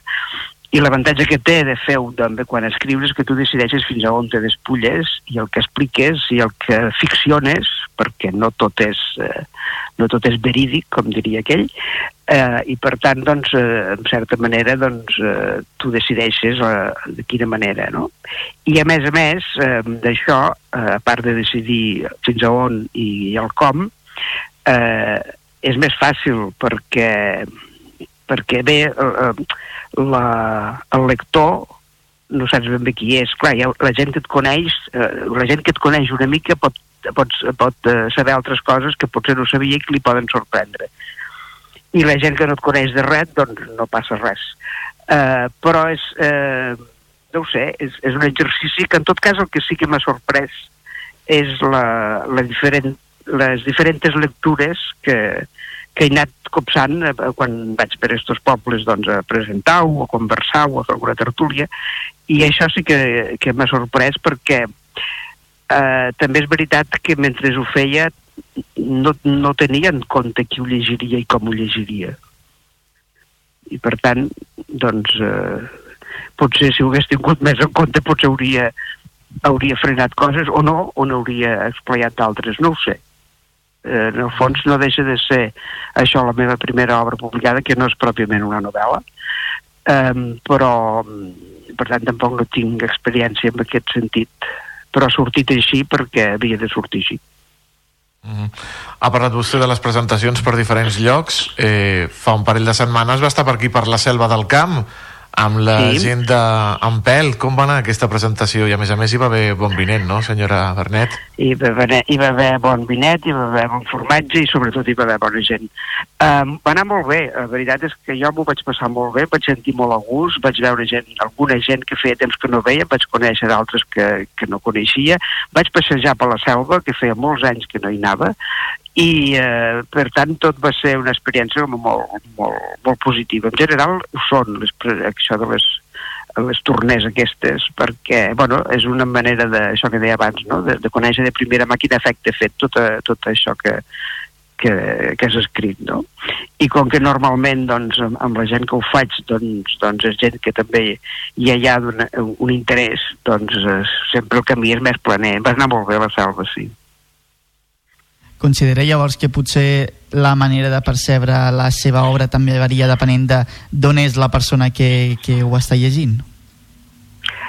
Uh, això no t'ho sabria dir perquè eh, jo crec que, a veure, és evident que, per exemple, per la gent del Priorat hi ha tota una sèrie de coses que, que, que els ressonen d'una determinada manera i per tant doncs, eh, i, que, i que els, i, i, la resta del món mundial, per dir-ho així, dependrà, dependrà, de la, dependrà no només d'on és la persona en concret, sinó de la seva, la seva capacitat eh, o la seva empatia amb determinades coses que jo puc dir i que per tant si, si, hi, ha una, si hi ha una connexió doncs eh, la lectura serà d'una manera, l'altre dia també a la presentació Marçà ho dèiem, amb el Jordi Martí, que clar que, que la seva percepció és que és un llibre que té moltes capes i per tant vull dir doncs eh, cadascú es queda al nivell de capa o, o els transita tots o només en queda amb alguns o, o, i per tant no és només des, des, de, des de quin lloc se llegeix sinó des, de, des del moment, des de la teua pròpia experiència en relació al que allà,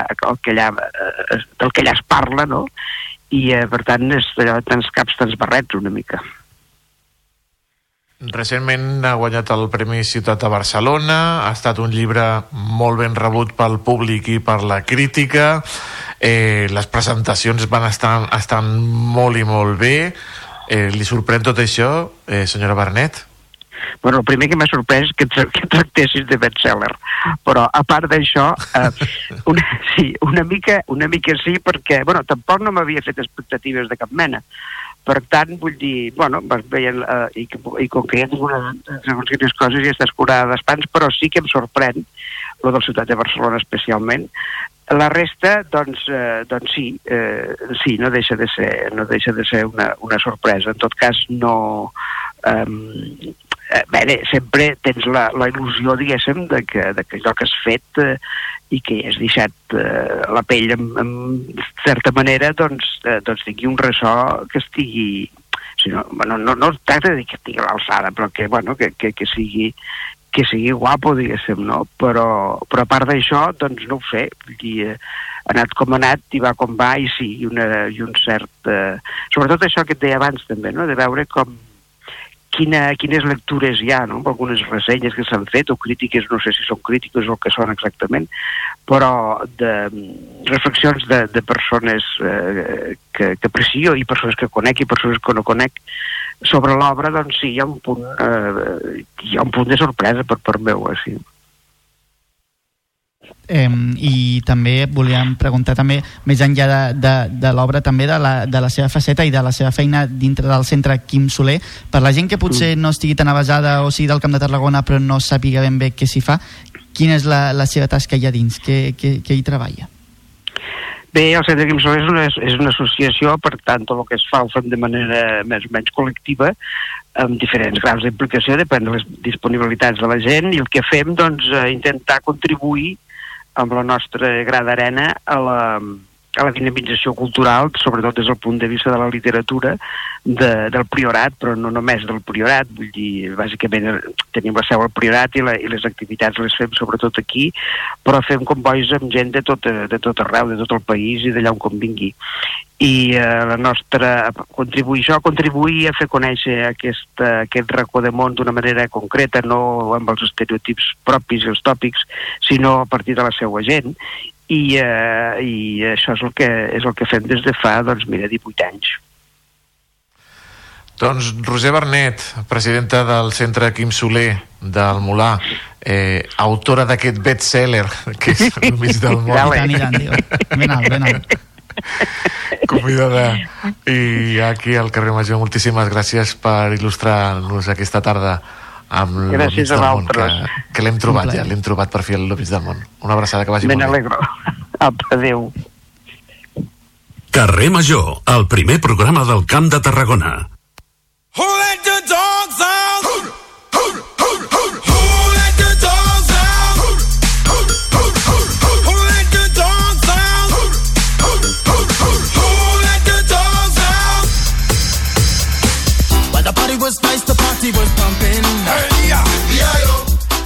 Eh, Aleix, Alen, atent, amic meu, per si et vols comprar un American Bully XL. Sí, tot just ara estava pensant-m'ho. Estaves pensant en Sí. comprar-te un gos més gran que tu. Què m'has de, què de dir llavors? Què m'has de dir? Des d'aquest mes de febrer és il·legal tenir aquest gos, l'American Bully XL, al Regne Unit. A no ser que sigui un gos que estigui xipat, identificat, assegurat i castrat. En cas contrari, el teu American Bully seria sacrificat. Aquesta mesura l'han pres el propi mini, primer ministre, el Rishi Sunak, després de diversos atacs realitzats per aquests gossos que van causar la mort de dues persones l'any passat al país. Per parlar d'això, per parlar de la tinença de races perilloses al nostre país i per parlar de moltes coses tenim a la Maribel Martínez, la nostra col·laboradora veterinària de Coselva, que com cada 15 dies ens il·lustra d'un munt de coses. Maribel, molt bona tarda. Hola, molt bona tarda. Veig que aquesta tarda tenim convidats del Priorat, eh? Sí, dona. A veure, a veure. Oberts al territori, oberts al territori. Um, per qui no conegui aquesta raça, com, com són els American Bully XL? Ja són, si ja l'American Bully ja fa una mica de por al, per al nom, XL ja... Uf, uf. Res. Són gossos grans amb, eh, i que tenen un, una mandíbula molt ampla, però que eh, són molt amusos, igual que tots el resto. Que no n'hi ha de gossos dolents o agressius per naturalesa. L'únic que aquests pobres, doncs mira, ara pel mal cap dels humans, aquests han pagat el pato. I ja està. Referent al que deies de que si no el tens sensat, xipat, assegurat i amb el permís de races i castrat, eh, és igual que els altres. Tots els gossos van així ara. Ah, menys el del permís de races perilloses, qualsevol gos ha d'estar sensat, xipat i amb el castrat i amb el- amb l'assegurança de responsabilitat civil. Qualsevol no gos? Qualsevol. De, amb la nova llei de protecció dels animals eh, això es va aprovar. Tothom que tingui un gos, gran o petit, ha de tenir-lo sensat, xipat i assegurat. I castrat. I castrat. Que m'ho he Hi ha una, ja, suposo que hi haurà una edat, no? Perquè si vols, si vols que, que es reprodueixin, si ets criador, professional... Amb, amb, Excepte amb els criadors, està clar. En, en teoria, la, els únics que podrien fer criar gossos por ahí, doncs són els criadors. El que passa és que això, això el dia que vam estar parlant de la nova llei de, de protecció dels animals, ja ho vam comentar, que, que han fotut moltes normatives, però ningú ho controla, això. Així que tot es queda igual que estava. Ja Què està. et sembla la, què et sembla la mesura del primer ministre, el Rishi Sunak, de sacrificar els American Bullies? pues mira, tal com he llegit en un, un article per aquí, em sembla un genocidi. Tal qual, perquè això així no es fa.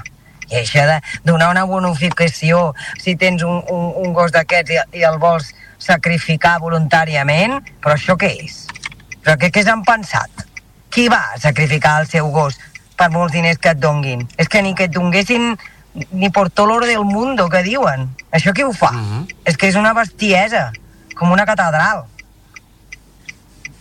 I a més també no, que aquest acte també té les seves conseqüències perquè si es fa aquesta obligació de sacrificar doncs també pot provocar molts abandonaments d'aquest animal no? També, perdona, és que he perdut un moment la...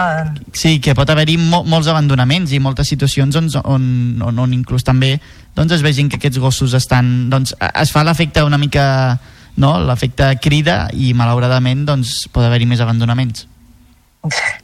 Bueno, l'espècie humana ja sabem com funciona, però, mm, però no cridem el mal temps. En principi, clar, que a més a més d'aquests gossos no n'hi no n'hi ha tantíssims, perquè és una raça relativament nova, que, que, bueno, que l'han fet a partir d'unes quantes races d'aquestes, de crani gran i mandíbula ampla i, i, i amples d'aquí de, del tòrax. Són, són gossos que, de fet, són, són molt bonics, eh? Estètica. Mhm. Bueno, clar, això, t'han d'agradar, eh? També, també és Sí, veritat que hi ha sí, gent sí. que quan veu un gos d'aquests s'esgarrifa i no els hi agraden gens. Però realment so- són gossos que són molt macos i que ben criats i ben educats no tenen per què donar cap problema. El que passa és que, que bueno, que mm, tristament a, a, a vegades acaben en mans que no haurien i, i llavors la gent sembla que, que, que això jo amb, noies no ho he vist mai, eh, però hi ha paios que, que es medeixen pel gos que tenen Llavors, això és com molt trist, eh? És com molt trist. Molt.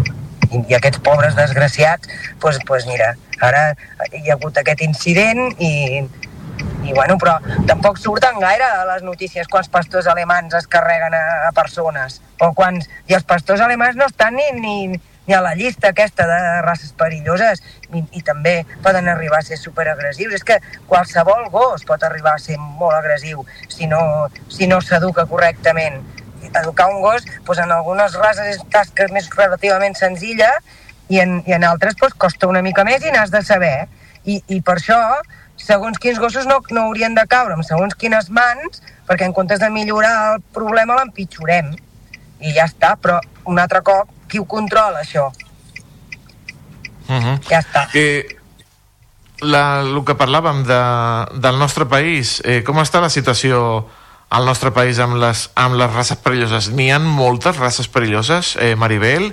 N'hi han... Eh, es compleixen eh, les, les obligacions eh, per part dels, dels eh, propietaris? Eh, si vols que et digui la veritat, fins, fins a finals de l'any passat n'hi havia una llisteta. Eh, però llavors es dediquen a posar-ne i treure'n d'aquesta llista eh, en funció de no sé, no sé quins criteris, d'acord? Um, eh, en els que estan a la llista, llavors, hi, hi havia aquesta obligatorietat de treure's un, un certificat per tenir un, un, per poder ser propietari d'un gos d'aquestes races de la llisteta, i, però feia riure, eh? L'examen que et feien per, per poder-te donar el, el paper conforme tu eres apte per poder tenir un gos d'aquests, feia riure, feia riure perquè preguntaven preguntaven, en aquest és, examen? és com el del carnet de conduir, que et diuen, va, agafa aquests dos mandos i a veure si tens mm, bona coordinació i és igual, Sí. perquè encara que estiguis tota l'estona tocant a la vora i pitant, t'ho donen igual, però el mateix. Tu vas, pagues i t'ho donen. I allà les preguntes són tan estúpides com... com un dia us vindran a buscar, eh? I si no a mi, per, per tot això que... Estarem encantats, està la porta oberta, que vinguin a buscar-nos. bueno, però és que aquest examen el vaig fer jo, ¿vale? I, i, i, i posava... Eh, ¿Tienes tendencias irritables y violentas cuando conduces? Coses d'aquestes. cuando conduzco. Tu- No. Clar, que has de dir, home, no, A la no, ràdio sí. Ah, soc superdòcil. Coses d'aquestes. que superdòcil. dius, bueno, ja sé, no?, el que tinc que contestar perquè em diguin que tot està bé i ja està, eh? és com molt... Bueno, una altra manera de, de gastar-te diners per no res que després amb, amb la nova normativa que van dir, bueno, pues ara només es podran criar els criadors que tinguin un número de fixa i un centre específic per criar gossos. Vale? Això està molt bé, però com fas que el resto no ho facin, no ho criïn? Oh, sí, hem obligat l'obligatorietat de que estiguin castrats, vale? però qui ho controla, això? Com ho fas? Sí, sí. Fes les coses ben No, no. fetes. No hi haurà No no sé. inspectors pel carrer preguntant-te si el teu boxer està capat o no està capat. O si no n'hi ha ni tan sols preguntant-te si porta el microchip, que és una cosa que No, no. fot més de 20 anys que funciona i encara hi ha un fotimer de gossos que no estan identificats. Imagina't, fes les coses ben fetes. Però bueno, ja està, va així això. O, o fes una normativa que s'adequi no, a les teves capacitats. Si no ets capaç de eh, dur a terme aquest control, doncs fes-ho d'una altra manera. Jo no sé de quina manera, i tampoc em pertoca a mi ni al col·lectiu de veterinaris, però, però ostres, els que es dediquen a pensar aquestes coses que s'hi dediquin i que ho facin bé, perquè fins avui, mira que bé que va, que, que llavors hi ha un incident d'aquests tràgics i ara resulta que aquest primer ministre, que això s'encomanarà eh, al resto d'Europa, que, que Sí, ja França ho està estudiant, eh? Ja veus? Doncs mira, doncs, doncs au, no se'ls ocorreix res més que, que, que en aquest cas muerto el perro s'acabó la ràbia, doncs muerto el perro s'acabaron les, les, les, els atacs o el que vulguis dir-li. I llavors en sortirà qualsevol altre i al final què farem? Matar-los a tots?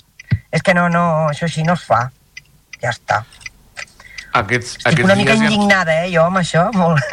que no... aquests dies hi ha hagut manifestacions a favor d'aquesta d'aquesta raça dels American Bully XL que deien que, bueno, que sacrificar el gos, com ha dit la, la, la Maribel, és que és sacrificar a un membre de la família, és que són part de la seva família. que perquè tingui aquesta raça no té per què ser agressiu ni res. Ara, que, que vigilin els que els compren o, o, o els que els fan criar i, i que els seleccionin que, que estiguin bé, perquè, perquè estic segura que, el, que, que ja n'hi deu haver d'aquests pirats que, que agafen els exemplars més agressius i els exemplars més, més, més poderosos a nivell de mandíbula i tot, i, i reprodueixen aquells per tenir gossos més, més potents i més agressius. Home, mm, mm, doncs que vagin a buscar qui toca i que no facin sacrificar els pobrets que tenen a les cases. I ja està. Mm -hmm. Doncs aquesta és l'opinió, les paraules de la nostra veterinària del carrer Major, la Maribel Martínez, que com cada 15 dies ens acompanya aquí a, al carrer Major per il·lustrar-nos de l'actualitat i de les notícies del món animal i resoldre tots els nostres dubtes. Maribel, com sempre, una abraçada. Moltíssimes gràcies per acompanyar-nos un cop més aquí al carrer Major. Gràcies a vosaltres. A veure, fins d'aquí 15 dies. I que visca, i que visca els American Bullies. que visca, que visca, que són molt macos. Una Vinga, abraçada. adéu-siau. que vagi molt bé. Adéu-siau. Carrer Major, al Camp de Tarragona, des de ben a prop.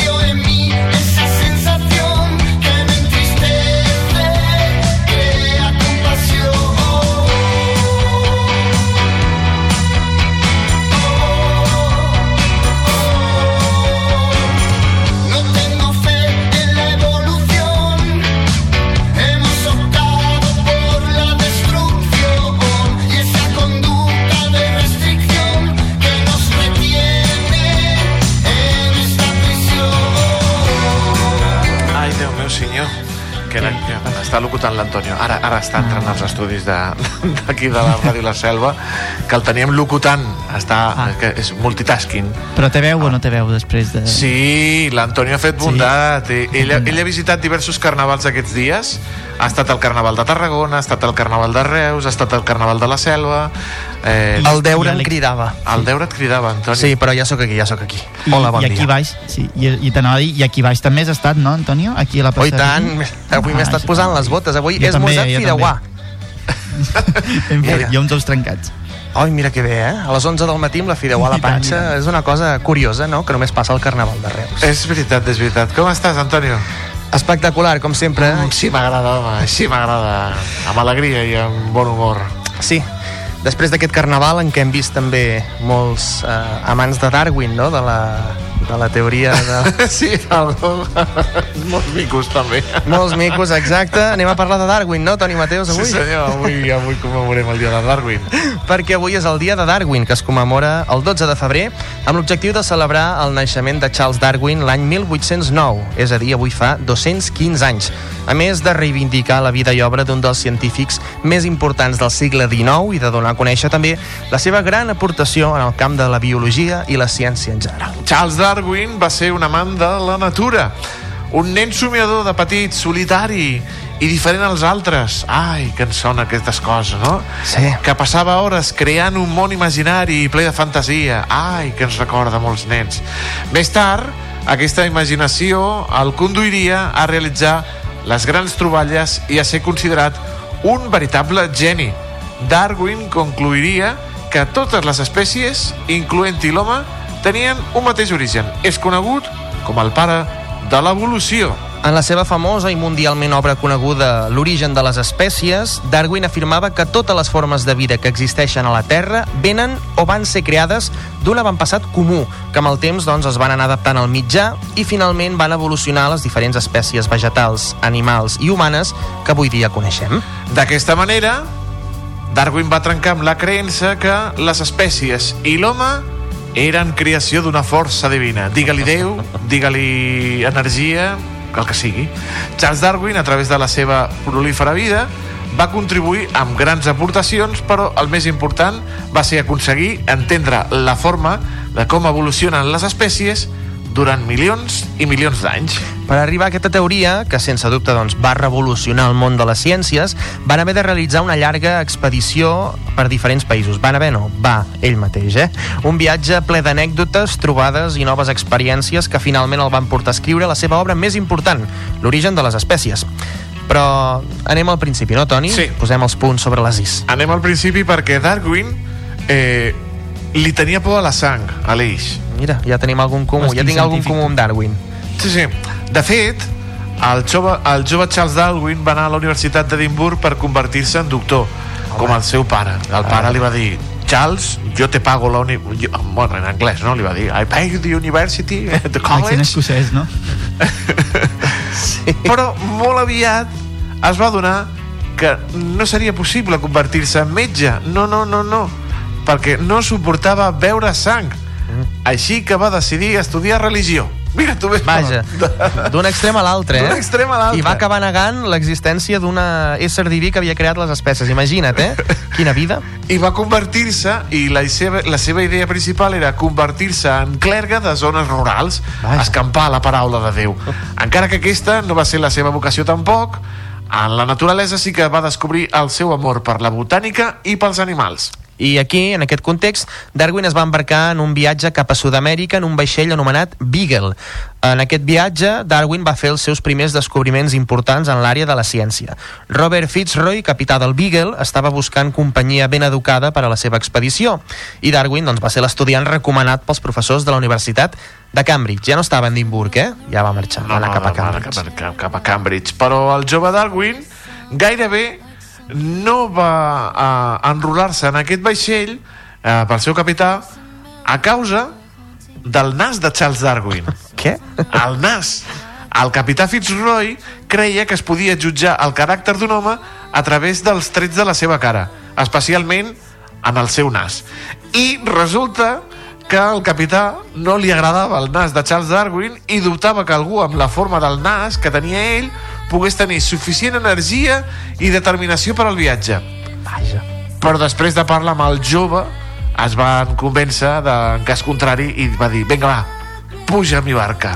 I durant el seu viatge, quan Darwin va fer 25 anys a bord, el capità Fitzroy li va regalar a Darwin una muntanya. Hòstia! Sí, sí, una muntanya, eh? Eh, que, mira, lo- un regalazo, no? Jo he vist d'illes, però muntanyes, de moment, no n'he vist Sí, regalar a ningú, eh? et regalin una muntanya a l'Eix. Sí, sí, mira, el regal consistia en nomenar una muntanya Mont Darwin. Doncs aquest és el cim més alt de la Terra del Foc, un arxipèlag entre l'Argentina i Xile, i com si aquest regal no fos suficient, existeixen tres muntanyes més amb el nom de Darwin, situades a Califòrnia, a Tasmània i a l'Antàrtica. Mira tu, durant la seva vida i les seves investigacions sobre l'evolució de les espècies, Darwin doncs, va dir, "Mm, si he de conèixer les espècies, me les menjaré. I va menjar, alerta amb això, Aleix, va menjar-se mussols, armadillos, un puma i un ocell similar als estrussos nomenat ria. A les Illes Galàpagos va menjar iguanes i tortugues gegants.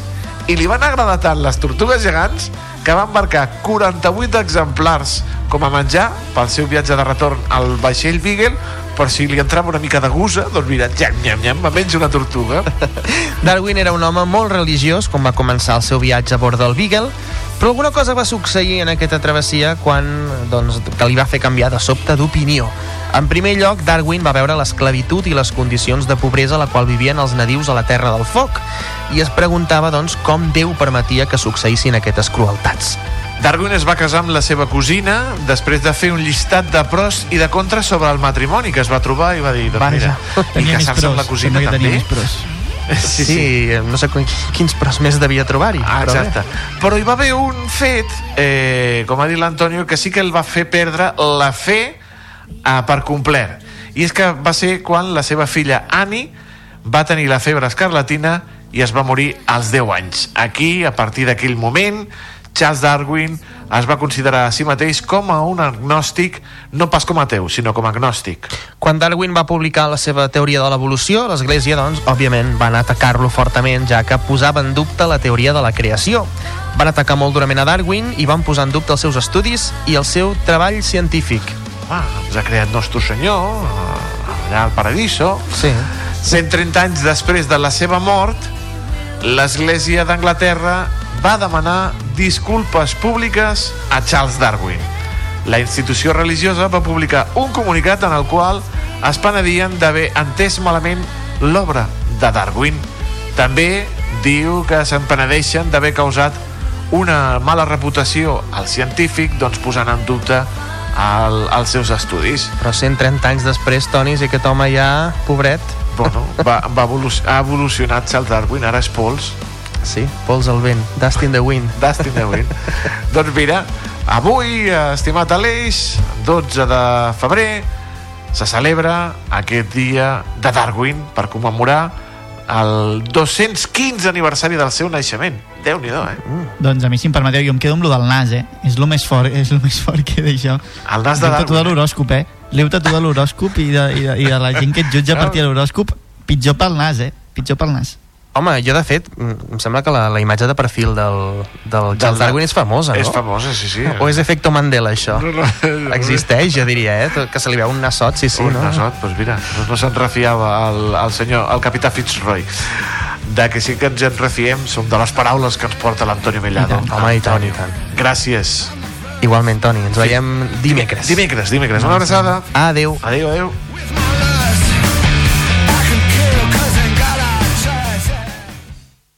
Carrer Major és proximitat.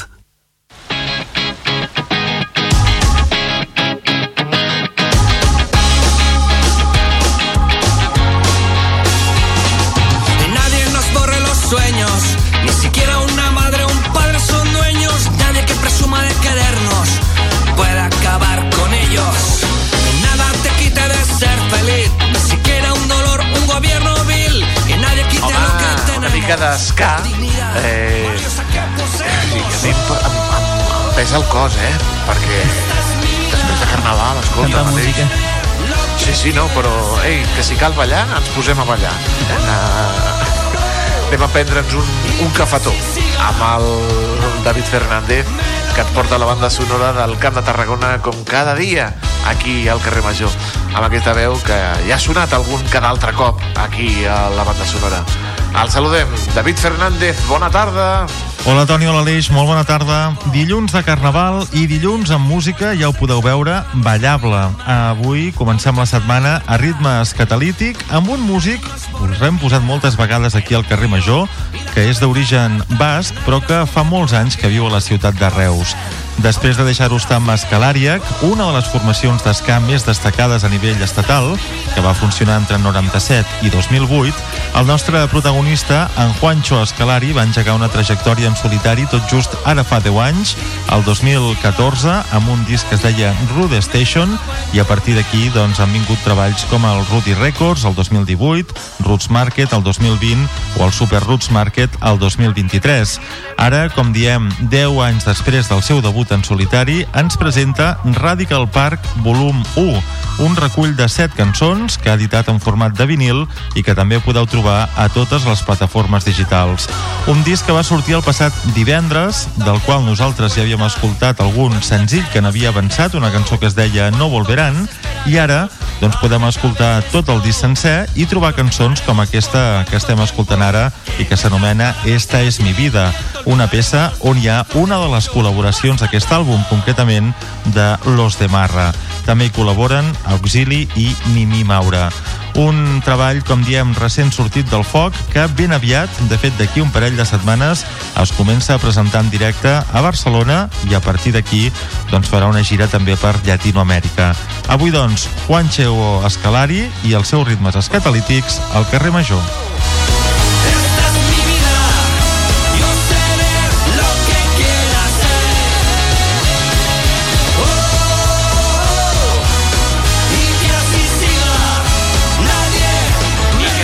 Que visca Vinga, que. Un, dos, un, dos, tres. Ja s'ha acabat la cançó. Veus que bé? Eh, Juancho Escalari, que sempre, sempre en el nostre equip, en l'equip del carrer Major, i sempre, sempre en el nostre equip, sí. qui? Que, que la Cristina?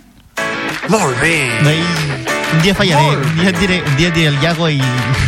Hauré de posar un... El Diago sempre al nostre equip. També. I tant que sí, eh? La Cristina Artacho, que amb la seva furgoneta, avui s'ha anat fins al camp de rugby. A Sí, sí, sí. A peu Sí, de gespa, a peu de gespa. Ahir van guanyar els Chiefs en futbol americà. Avui toca parlar de rugby amb la furgoneta de la Cristina Artacho aquí al carrer Major. La saludem, que està molt ben acompanyada. Cristina Artacho, molt bona tarda. Tots un dia més aquí a la Furgo. Avui comencem la setmana movent-nos amb esport, com ha de ser, una Furgo esportiva i sobre un esport minoritari, i és el rugby, perquè Tarragona s'acaba d'inaugurar o entra en funcionament avui el camp de rugby després de patir unes obres. Eh, per parlar-ne m'acompanyen, per una banda, el conseller d'Esports de l'Ajuntament de Tarragona, Berni Álvarez, molt bona tarda. Bona tarda. I per altra banda, el president del Club de Rugby de Tarragona, Matías Segura, molt bona tarda. Hola, buenas. Uh, Berni, no sé si ens pots concretar uh, el detall uh, de l'obra, quant de temps han estat aquestes obres i que per fi són una realitat, un reclam de fa molts anys del club. Sí, és una reclamació històrica. Eh, mm, sempre hi havia hagut una certa voluntat, però mai s'havia trobat la manera de com, com poder vehicular per tenir un camp, un camp de rugby en condicions. A partir de que l'anella va entrar en funcionament es va trobar aquest espai eh, i després ja una vegada es va trobar l'espai entre cometes doncs va anar treballant per tenir la gespa artificial que feia falta. No? Vam tenir problemes una mica des de la primera licitació que va ser el 2022 es va tenir, després de l'adjudicació es va tenir que tornar a fer una nova licitació i una nova adjudicació per temes tècnics i ara ja és una realitat, així que el procés ha sigut llarg la feina ha sigut molta i de molta gent, però avui, eh, avui és un dia que hem d'estar molt contents perquè tenim una, tenim una instal·lació i tenim una, un, un cap de rugby completament nou, adequat a les noves, a les noves circumstàncies del rugby, homologat i amb un espai com és el de l'Anella que, que ens donarà molt de joc, no? I sobretot pues, perquè crec que la gent del rugby Tarragona des de fa molts anys que està picant molta pedra amb això i que per ells avui ha de ser un dia, ha de ser un dia igual que per nosaltres de, no, de, de molta celebració, no? Unes obres no, que permetran que aquest camp eh, comenci a estar en funcionament i es puguin jugar partits, però està previst també eh, una segona fase de les obres condicionada als fons Next Generation. Sí, eh, el que està clar és que nosaltres eh, amb la part tècnica del camp era una, evidentment era una urgència, l'hem fet i ara el que ens toca és adequar també tot el més, no? el tema dels vestidors que, que, que parlàvem, el que vam fet és lligar un Next Generation que ens ha de donar resposta que som optimistes, però nosaltres la part que ens toca com a Ajuntament de ficar els diners ja l'hem ficat i que volem ficar tant uns vestidors d'obra grans i, i unes grades que ens serviran doncs, perquè l'estadi ja quedi d'una manera definitiva com, com un espai exemplar dintre del que és la província i segurament Catalunya com a camp de rugby. No? Així que aquest és el full de ruta que ens hem marcat ara pels propers mesos, esperant la resposta del Consejo Superior de Deportes, però que estem, som optimistes. No sé si pot detallar el pressupost tant d'aquesta primera fase com de la segona fase que encara eh, està a preveure. El que és la gespa artificial, tot, tot, tot va pujar una miqueta més dels 400.000 euros i el que és la part aquesta dels Next Generation, el projecte total de vestidors i grades són 880.000 euros, si no m'equivoco exactament, i nosaltres, la part que li toca a Ajuntament, que ja han ficat els pressupostos aquest any, són 220 i pico mil euros que ja estan ficats. Una vegada tinguem a l'hoquei i, i el Consejo Superior de Deportes es faci aquesta, aquesta la part que toca, doncs tindrem un pla d'execució suposo que fins a final del 2025 i aquesta és la, la idea, no? que a finals del 2025 estigui tot operatiu. Y me voy a cap aquí amb el Matías. Matías, buenas tardes. Eh, ¿Qué supone para el club de rugby, no? que si no me equivoco está activo desde el 86, por fin tener esta instalación municipal?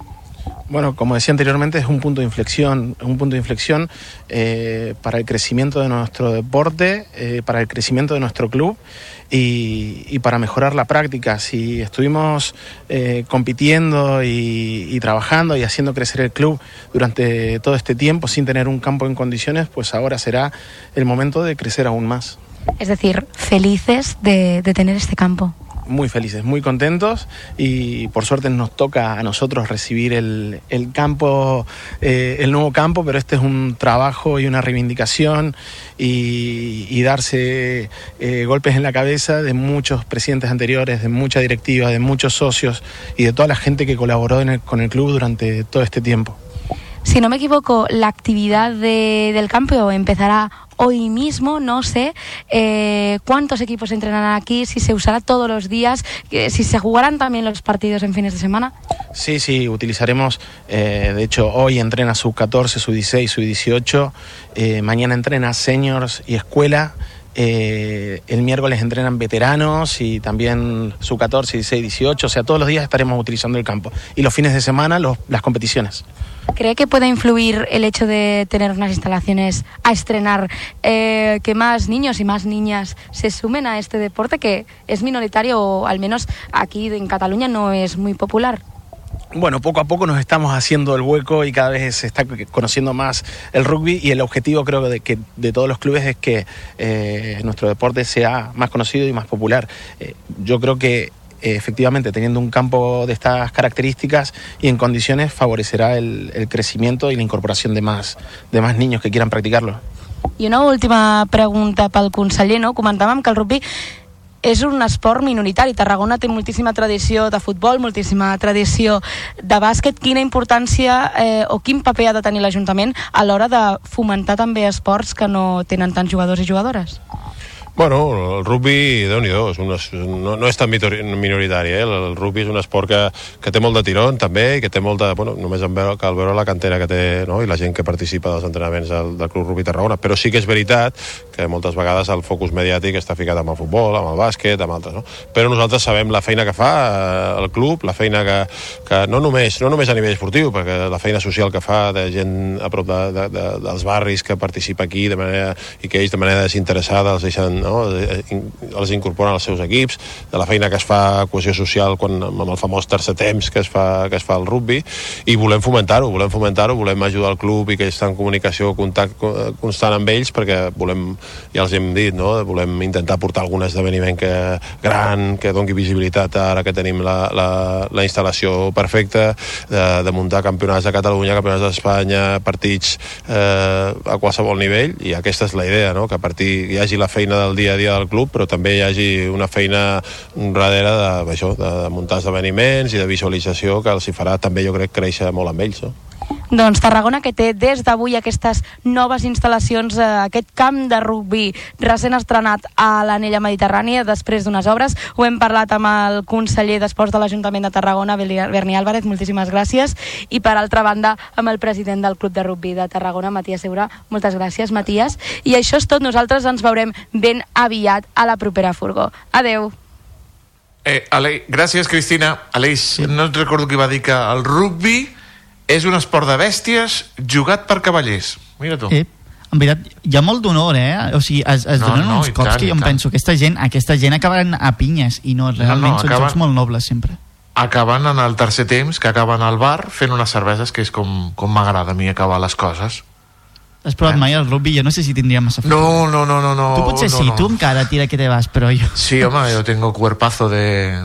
de para jugar una melea, fer allà una melea, pam, eh, i Entres a la fer melea, algun no? Placatge, no? i... Sí, sí.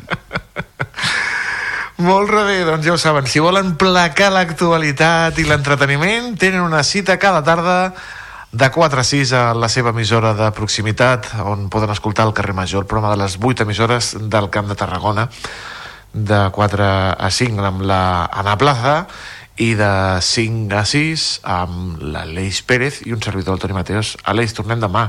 I tant Fes que bondat, eh, que aquesta nit se'n mor el Carnestolta, ja veuràs. Sí, sí, són, són dies complicats, eh? I t'ho espero el dimecres. Una abraçada, Aleix, fins demà. Fins demà. I nosaltres, ja ho saben, tornem aquí al carrer Major demà a partir de les 4 a la seva, com hem dit, emissora de confiança. Les 8 del territori que fem possible aquest programa juntament amb la xarxa. Que vagi molt bé. Fins demà. Bona tarda.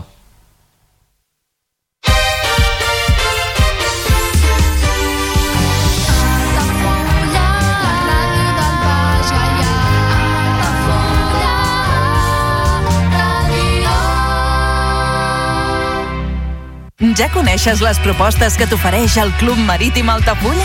Vine i descobreix totes les nostres activitats. Sortides en caiac o pa del surf, cursos de vela per a totes les edats. No t'ho perdis. Club Marítim Altafulla. Obert tot l'any i per a tothom. Comunions 2024. Dates ja disponibles amb sales privades, jardí, pàrquing privat i la millor gastronomia. Més informació i reserves al 977 65 11 55 i a comercial arroba altafullamarotel.com o al web altafullamar.hotel.com. Les teves celebracions familiars a l'Altafulla Mar Hotel. Dus el color de l'abril tatuat a la pell. Les flors del vestit et floreixen perquè saben que en tu no hi ha hivern. Sento l'oreig del meu mar quan m'abraça la teva veu i em porta allà on ens vam conèixer entre dubtes, carícies i adeus. Com el cos d'un titella que gira i que gira i vacila. M'emborratxa el record que m'apropa zelós al teu pit. Fem-li l'amor a la vida, fem-li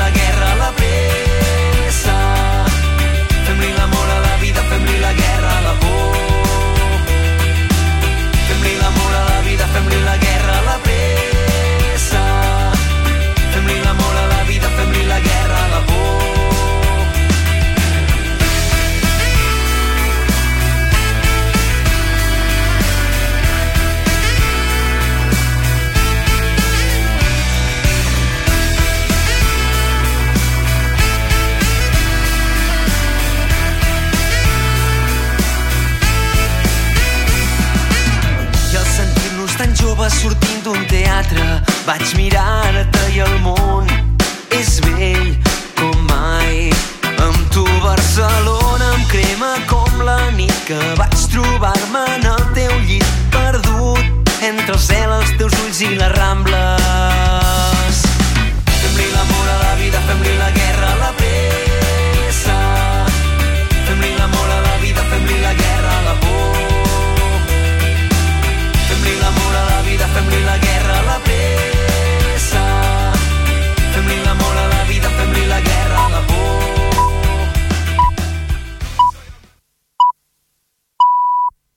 Són les 6 de la tarda.